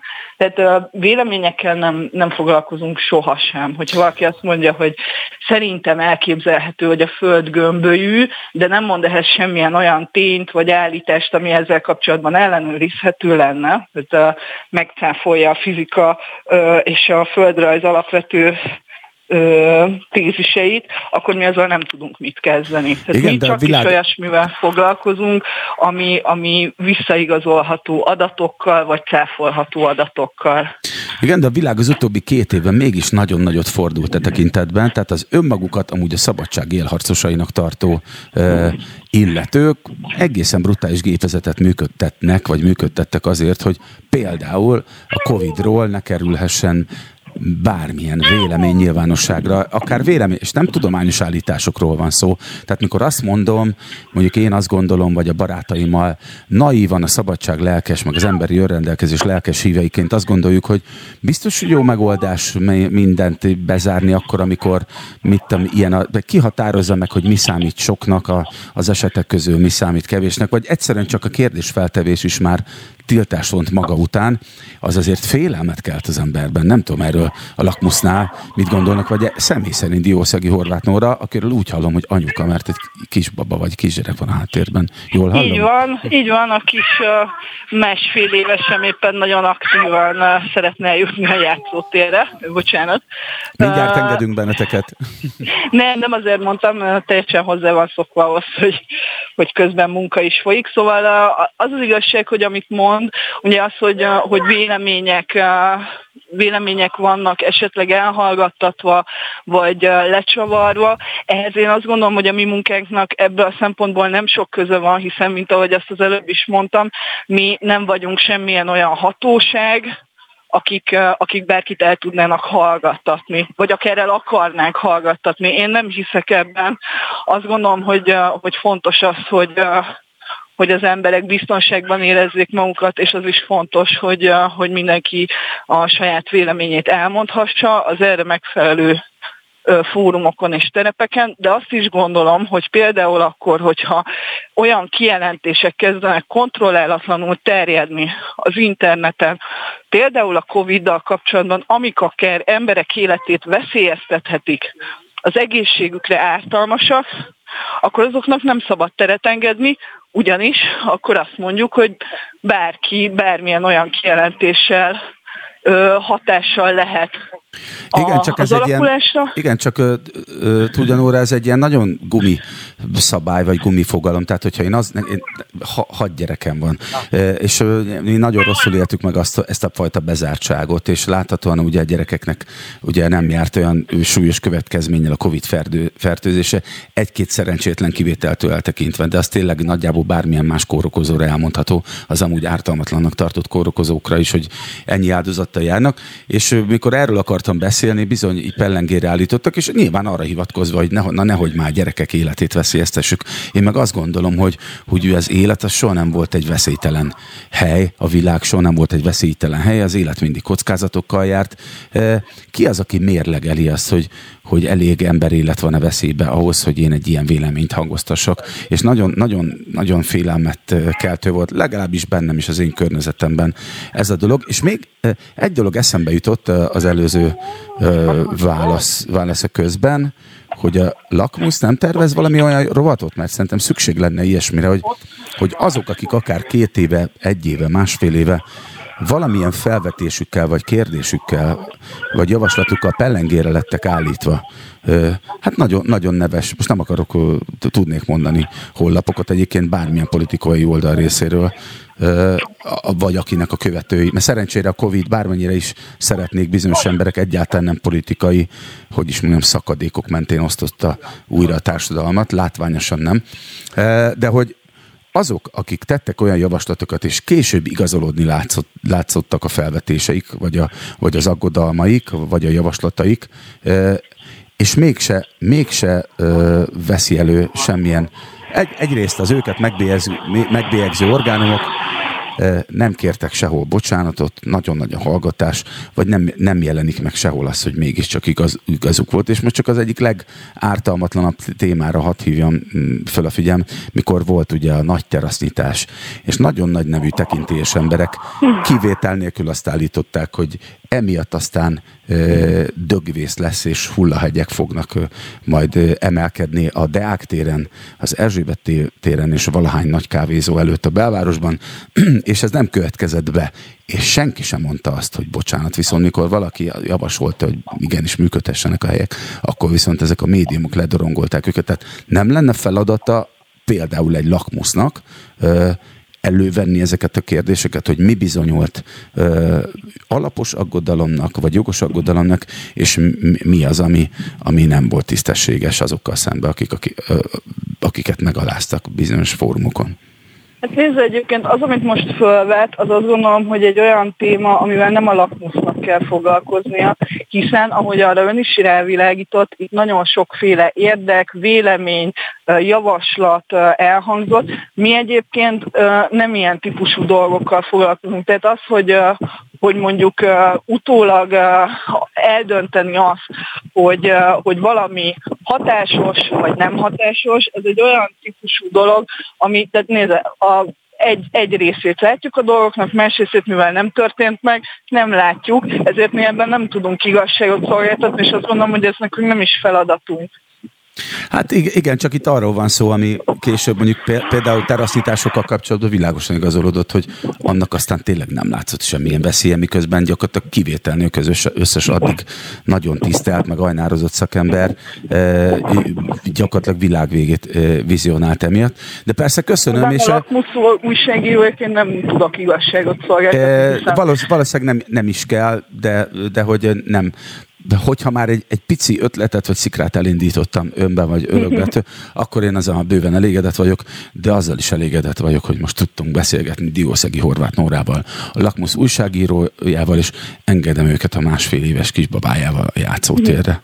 Nagyon szépen köszönöm, köszönöm, viszontlátásra. Viszontlátásra. És itt van velem a vonalban Dió, ö, bocsánat, Tompos Márton, a Momentum országgyűlési képviselője, ha minden igaz, Márton. Szép jó van? napot, így van. Jó napot kívánok. Jó. Ugye a momentumosokat eleve valószínűleg maga a, hogy is mondjam, a cenzúra intézménye talán a többi politikai pártnál is jobban irritálja, illetve az internetes mindenféle félrevezetés, maga a jogállamiság kérdése, a köztársaság intézményének a kérdése is látványosan és megnyugtatóan érdekli ezt a pártot. Fú, ez egészen propaganda szövegnek hallatszott, de mentségemre legyen mondva, hogy az előbb mondtam jókat Torockaira, meg a mi hazánkra is, annak ellenére, hogy se a Momentum, se a mi hazánk nem fizet nekem, és remélem, hogy ezek után ez most már máshogy lesz, de hogy A Tompos Mártont, ugye, akivel itt beszélgetünk most a beszólóban, látványosan érdekli az orosz propaganda, illetve ezeknek a tevékenysége. És azt feltételezem, hogy, ezeknek a, hogy ennek az intézménynek a magyar testvérvállalata, a Megafon Akadémia is. Mit lehet tenni ezek ellen, vagy miért olyan irritálóak, vagy veszélyesek ez ön szerint? Hú, hát nagyon sok mindent lehet ellene tenni. Ugye az én, én egy sorozatot indítottam még a háború elején arról, hogy milyen hazugságokat terjesztenek a, a magyar médiában. Ugye itt különböző platformok vannak, tehát valamikor a, a fórumokból, mindenféle magánoldalakról szedtem le olyan posztokat, amiknek ilyen több száz vagy több ezer megosztásos, sok tízezres, százeres elérése volt, de volt, amikor a hírtévének vagy a vadhajtásoknak, a, tehát a Fidesz volt udvarában lévő mhm. médiumoknak a, a posztjait kellett cáfolni. Ugye az, itt a legnagyobb kérdés az, hogy, hogy mi a cél, tehát hogy a, a mi a, a cáfolónak a célja, és mi a posztolónak a célja. Mert ugye sokan tudták azt mondani, hogy jó, jó, miért csak az orosz propagandával foglalkozom, az ukránnal miért nem. És erre mindig azt szoktam mondani, hogy volt a Kígyó-szigeti történet, amikor ugye a Kígyó-szigetek védői igen, igen, beszóltak a hadihajónak, és aztán elterett, hogy őket agyon lőtték, az az utolsó mondatuk, és került egy héttel később, hogy nem, ők életben vannak, elfogták őket, és ezt mondják, hogy persze az ukránok is hazudnak. És persze nyilván van egy csomó felítés az ukránok részéről is abban, hogy hányan haltak meg az oroszok, meg mennyit lőttek már ki, de az, ennél a sztorinál például utána az ukrán védelmi minisztérium kiírta azt, hogy nem pontosan idézve, hogy bocs, rosszul tudtuk, életben van. Tehát maga a minisztérium is ö, bocsánatot kért. Aha. Egyébként Igen. pont ez lett volna a kérdésem, én nem tudtam, hogy, hogy ön, illetve önök is foglalkoztak ezzel, de pont ezt akartam kérdezni, hogyha, hogyha mondjuk az ukránok dezinformálnak, az is terítéken van a Momentumnál, vagy Tompos Márton képviselőnél? Ö, terítéken me- megnézem, a, a probléma az az, hogy a magyar társadalom az olyan szinten van sajnos a többségében az oroszok mellett, hogy az orosz propaganda terjed. Tehát, hogyha valaki kirak egy olyan anyagot, ami akár ukrán propaganda, akár ukrán valóság, akkor azt egyből ellepik a, a, a kommentelők, trollok, az oda de ezek, nem inkább, de ezek nem inkább ezek a nem, nem létező személyek, akiket valószínűleg Kovács Lászlónak hívják, mert ugye abból sok van, és tényleg a turulmadára, vagy egy akár egy orosz zászló a profilképe, vagy a, vagy a kutyuska, és hét ismerőse van, nulla követő, tehát hogy, és látszik az, össze, a léte, az oldal létezése óta az összes posztján látszik, hogy gyakorlatilag csak ezzel foglalkozik. Tehát létező emberek kitesznek az élet egyéb dolgairól és véleményeket, fotókat, vagy nem, őt meg, tehát láthatóan azt az oldalt csak erre, tehát nem lehet ezeket viszonylag egyszerűen kiszűrni és kiiktatni a rendszerből? Van ilyen is, van ilyen is, tehát van, amikor tényleg valaki csak kamu profillal próbálkozik. Van olyan is, amikor valaki tényleg ennyire nem éli a, a Facebookon az életét, tehát hogy ne, nagyon nehéz kiszűrni azt, hogy valaki, aki Kovács László tudós profilképpel és csak orosz kontentek megosztásával, tartalmak megosztásával valószínűleg tényleg kamu profil, e vagy sem, mert azért nagyon sokszor belefutok olyanba, hogy valaki tényleg nem érdekli a Facebook, de ez a téma az annyira pörgette, hogy, hogy ezt viszi. Amit lehet ilyenkor csinálni, hogy vannak olyan bővítmények, például a Chrome-ban, de akár csak egy, ugye, valaki kicsit ért hozzá, akkor rákatítunk egy képre, jobb egérgom, és ott van egy Google keresés, és a Google megkeresi nekünk, hogy azokat a fotókat, amit valaki profilképként használt, azt máshol bedobták-e. És ha itt találunk olyanokat, már pedig az orosz botoknál, az orosz hálózatban azért rendszeresen van olyan, hogy mondjuk az orosz Facebookról, a kontaktjéről lopnak le fotókat, és azt beállítják, mint a Kiskon Majsán élő Ferenc Marianna, aki egyébként szeret úszni és imádja a barátok köztöt. Tehát, hogy valójában pedig nem tudom, Sabrina nem tudom kicsoda Kurszból. Tehát, hogy az ilyen típusú kamu esetében egyértelmű, hogy ezek nem létező profilok. De egyébként ezt nagyon nehéz kiszűrni, úgyhogy, úgyhogy én nem ebbe az irányba mennék el, hanem magukat az történeteket érdemes megcáfolni. És amikor elkezdtem ezt, akkor ez ilyen, ilyen egyszemélyes hadjáratnak tűnt, de nagyon gyorsan jöttek olyan emberek, akik azt mondták, hogy fiú, ez is, ezt is néz már meg, azt is néz már meg, ez is érdekes, ez hogy van, ezt nem tudom eldönteni, segíts már benne. Tehát, hogy azt, azt kell látnunk, hogyha csináljuk egy ideig, akkor egészen sokan fognak jönni, akik segítenek, és akik szintén zavar az, ami megy a magyar Facebookon, úgyhogy nem vagyunk ebben azért teljesen egyedül. Mi okozhatja egy Magyarországon ezt az elképesztő, és valóban nem csak kamu profilok szintjén létező russzofiliát, tehát hogy ennyire valamiért a társadalom egy jól definiáltó rétege imádja az oroszokat, még akkor is, hogyha talán nem tudom, nem tudom hogy valaha volt-e pozitív hatása egyébként az orosz jelenlétnek Magyarország. Nyilván az, hogy mondjuk a nácikat kiverték Magyarországról, nem közöm, természetesen elfogadom, hogy az egy pozitív hozadék volt azt hiszem megfizettük ennek az árát azután, amit az ezt követő 40 évben kaptunk tőlük, de hát így volt ez a szabadságharc idején. E, az első világháború környéke se volt semmi, 56 környéke, és amit egyébként, hogy, hogy, hogy is mondjam, most látunk, én most azt látom, hogy, hogy olyan nagyon sokat segítene, segítene Magyarországnak a, a látványos és egyértelmű orosz elköteleződés, úgy, hogy közben EU tagállam vagyunk. Na igen. Én mondjuk ezt nem igazán az oroszok szeretetében vagy imádatában látom, inkább azt látom, hogy a...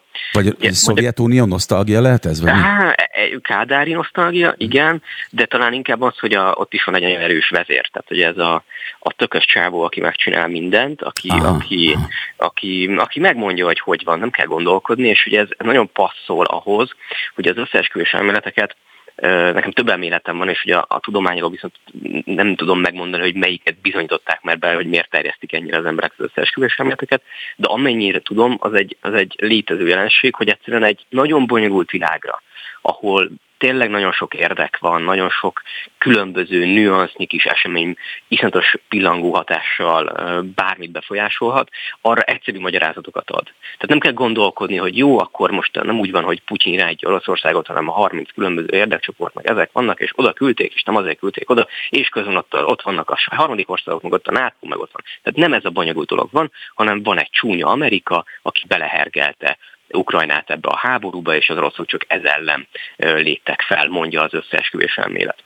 Tehát, hogy ez az egyik dolog, hogy egy nagyon leegyszerűsített világképet ad, és ez párhuzamosan azzal, hogy, hogy itt van ez az erős ember, ez egy vonzó alternatíva nagyon sokak számára, ami én arra vezetek vissza, hogy azért Magyarország hiába volt a rendszerváltás után az első mondjuk másfél évtizedben egy bezzeg ország, utána elég, azóta azért eléggé visszaestünk. Tehát, hogy megnézzük az életszínvonali statisztikákat, a, a, az hát meg talán minden egyebet, igen. Minden egyebet, igen, igen, igen, akkor azt látjuk, hogy Magyarország jelen pillanatban nem tartozik a sikeres európai országok közé, bármennyire is az Orbán kormány ezt megpróbálja Igen, de, de, nem, de nem lehet, hogy ez mindez amiatt van, hogy, hogy a, a gyakorlati tényleges lépések és a, az a tényleges élettel való foglalkozás helyett nem is tudom, hogy hogy mondjam, gyakorlatilag már csak kommunikáció létezik. Olyan, mintha csak kommunikációban élnék, és gyakorlatilag nem, nem történik más politizálás címen, mint valaminek a kommunikálása, amit az ember, akár a naív, jó indulatú, jó szándékú, de ténylegesen naív többség mondjuk el, el szívesen hall, vagy elfogadna, vagy a keblére ölelne, és ebből következik egy másik kérdés is, hogy, hogy mikor gyakorló politikusként valószínűleg, hogy nálam sokkal inkább szembesül, vagy sokkal brutálisabban és gyakrabban szembesül Tompos Márton, Momentum országgyűlési képviselője, akivel most beszélek a beszólóban éppen, hogy ilyenkor még mindig hisznek abban, hogy mondjuk jogállami kereteken belül lehet reformokat elérni, és hatékony változ, vagy látványos változásokat bármikor is Magyarországon? A kommunikációs részre teljesen egyetértünk, az Orbán kormány nem kormány, hanem kommunikál, aztán azt eladja úgy, hogy mint, hogy, mint a magyarok érdeke. Úgyhogy ez, ez így van, és hiába próbál a többi párt azért valamilyen szinten javaslatokat tenni, módosítót benyújtani, azokat lesöpik az asztalról, ez teljesen így van. De hát hogy lehet ezzel felvenni a versenyt? Hát verseny nehezen inkább ezt úgy lehet egy, egy azt hiszem, egy szociológus fogalmazta meg úgy, hogy az ellenzék azt tudja csinálni, hogy nem tud egy frontot fenntartani, hanem ilyen gerilla háborút, hogy néha kijön a lövészárkokból, meg kijön a dzsungelből, lő hármat, azzal kezd, kellemetlenséget okoz, aztán visszamegy. Tehát, hogy így időnként lehet ilyen, ilyen ütéseket bevinni a, a kormánynak, de azt hiszem, itt, itt összekapcsolódik egyébként az ellenzék, illetve a mondjuk úgy, hogy a, az orosz propagandának a, az egyik célja. Ugye nyilván az, hogy elhitetnek mindenféle kamu dolgot, megkérdőlezik a bucsai mészárlást, a, a, rájátszanak arra, hogy az ukránok hogyan bántak a magyar kisebbséggel, az arra van, hogy a magyar közönséget, célközönséget, a magyar lakosságot befolyásolják. Tehát, hogy nyilván a Fidesz mér mindent, hogyha azt tapasztalja, hogy a fideszesek többsége az, a, az oroszokat támogatja, akkor ők is ezt fogják támogatni. És ez a másik oldala az, tehát az ellenzék valamilyen szinten a meglévő még erőforrásait egyedül arra tudja használni, hogy megpróbálja minél több helyen megértetni a saját álláspontját, hogy átvinni a saját álláspontját, befolyásolni a közvéleményt, ezáltal rákényszerítve arra, hogy a Fidesz hogy a saját méréseinek megfelelően változtasson az, az ami történik. Tehát ez ilyen több lépcsős folyamat, nagyon nehéz. Tehát ez az egyetlen lehetőség, amit én most látok itt előttünk. Aztán hát hogyan megy tovább, az megint egy érdekes kérdés, mert például a CEU példája volt az, amikor mindenki tudta, hogy ez hülyeség, nem kéne erre elküldeni a CEU-t. Nem tudom pontosan, hogy a mérések mik voltak, de aztán mégse mentek És ott is micsoda tudom, ilyen népharag vagy mozgalom indult meg bizonyos körökben, teljesen értetlenül. Hát nyilván nagyon rossz érzéseket kelt, amikor egyszerűen csak mondjuk egy, egy oktatási intézmény vagy egy egyetem ellen ilyen indulatokat tudnak mozgósítani, de hát be vagyunk folyásolhatók, az ukránok be vannak vándorlók Magyarországon, igen, lassan átmegyek már lárpurlárba. Egy, néhány percünk van még, de én említ, még, bizt, még beszélgetnék mindenképp Tompos Mártonnal az EU ügyészségről, mert ez is, ez is az egyik fontos topik, ez, ez is az egyik fontos napirenden tartott ügy, hogy mi lenne másképp Magyarországon ön szerint, hogyha csatlakoznánk az Európai Ügyészséghez. Mármint Magyarország, nem ön és én, hanem az egész ország az Európai Ügyészség intézményéhez. Két irányból közelíteném meg. Ugye az egyik dolog az az, hogy az országban is problémák vannak, tehát rengeteg pénz hiányzik az államháztartásból, ha jól tudom, már ilyen 80 százaléka a tervezett éves hiánynak az már, az már megvan, tehát hogy anyagilag, igen, nagyon fantasztikus teljesítmény. Ugyanakkor ez a pénz, ez ugye visszajöhetne az elég könnyen a helyreállítási alapból, hogyha tennének gesztusokat és konkrét lépéseket az Európai Unió felé a magyar kormány képviselő. Ez lenne az egyik, ennek az ászlós hajója. Tehát tényleg az egyik legfontosabb lépése lenne az, hogy azt mondják, hogy jó, értjük, hogy korrupciós problémát lát az Unió itt, akkor lépjünk be az Európai Unió ügyészségbe, és nézzétek meg, hogy mennyire nincsen igazatok, ha már úgyis ebben hisz a kormány. Most szerintem a hallgatók is, meg mindannyian tudjuk, hogy ez nincs így. Tud, nagyon jól tudja az Orbán kormány, hogy e, mekkora korrupció van itthon.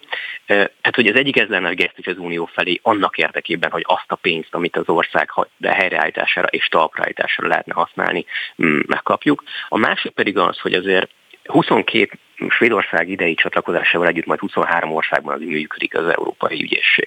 És ott iszonyatos mennyiségű munkát végeznek el, tehát rengeteg bejelentés van, és ott tényleg lefoglalnak eszközöket, elvisznek korrupt vállalkozókat, bűnözőket, bárkivel. Tehát, hogy ez azt jelenteni, hogy a Polt Péter féle ügyészség kezei közül kikerülnének olyan európai ügy, pénzeket érintő csalások, vagy Európai Uniós probléma, körök, amikkel, amikkel ember nem foglalkozik. És van még egy kulcs dolog, amit egyébként bocsánat, kevesen vesznek És ön azt gondolja, hogy a magyar kormánynak megéri akár ezért cserébe, hogy ezek az ügyek ne kerüljenek napvilágra, vagy ne, ne ö, legyen számonkérés, ö, akár megéri legatyásítani Magyarországot?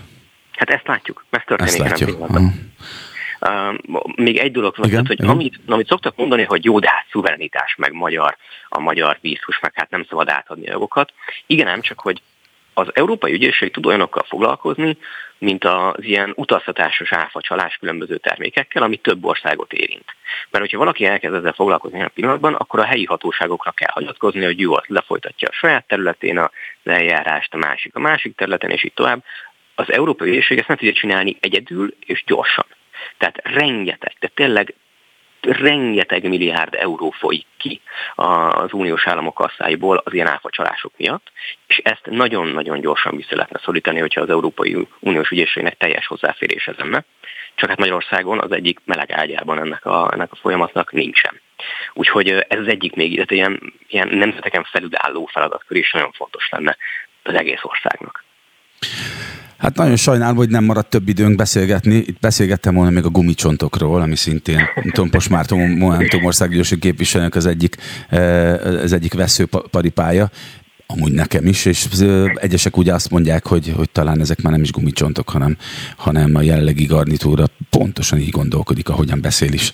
Ezekről, de beszél, beszéltem volna, egész délután szerettem volna beszélni, mivel a cenzúra volt ugye a fő témája majd beszólónak, az uh-huh. öncenzúráról, hogy, hogy már önmagában az is aggasztó, hogy Magyarországon a legtöbb intézményben olyan öncenzúra alakul ki, ami pontosan jelzi a rendszer működését, a hibáit, a, a veszélyességét és a félelmetességét, de hát ez majd mindegy másik alkalomra halasztódik. Nagyon köszönöm a beszélgetést Tompos Márton. Nagyon szépen Márton, köszönöm a lehetőséget. A Momentum országgyűlési képviselőjének, e, és búcsúzom én is a hallgatóktól, a Spirit FM és a beszóló hallgatóktól. Találkozunk egy hét múlva. Viszont hallásra.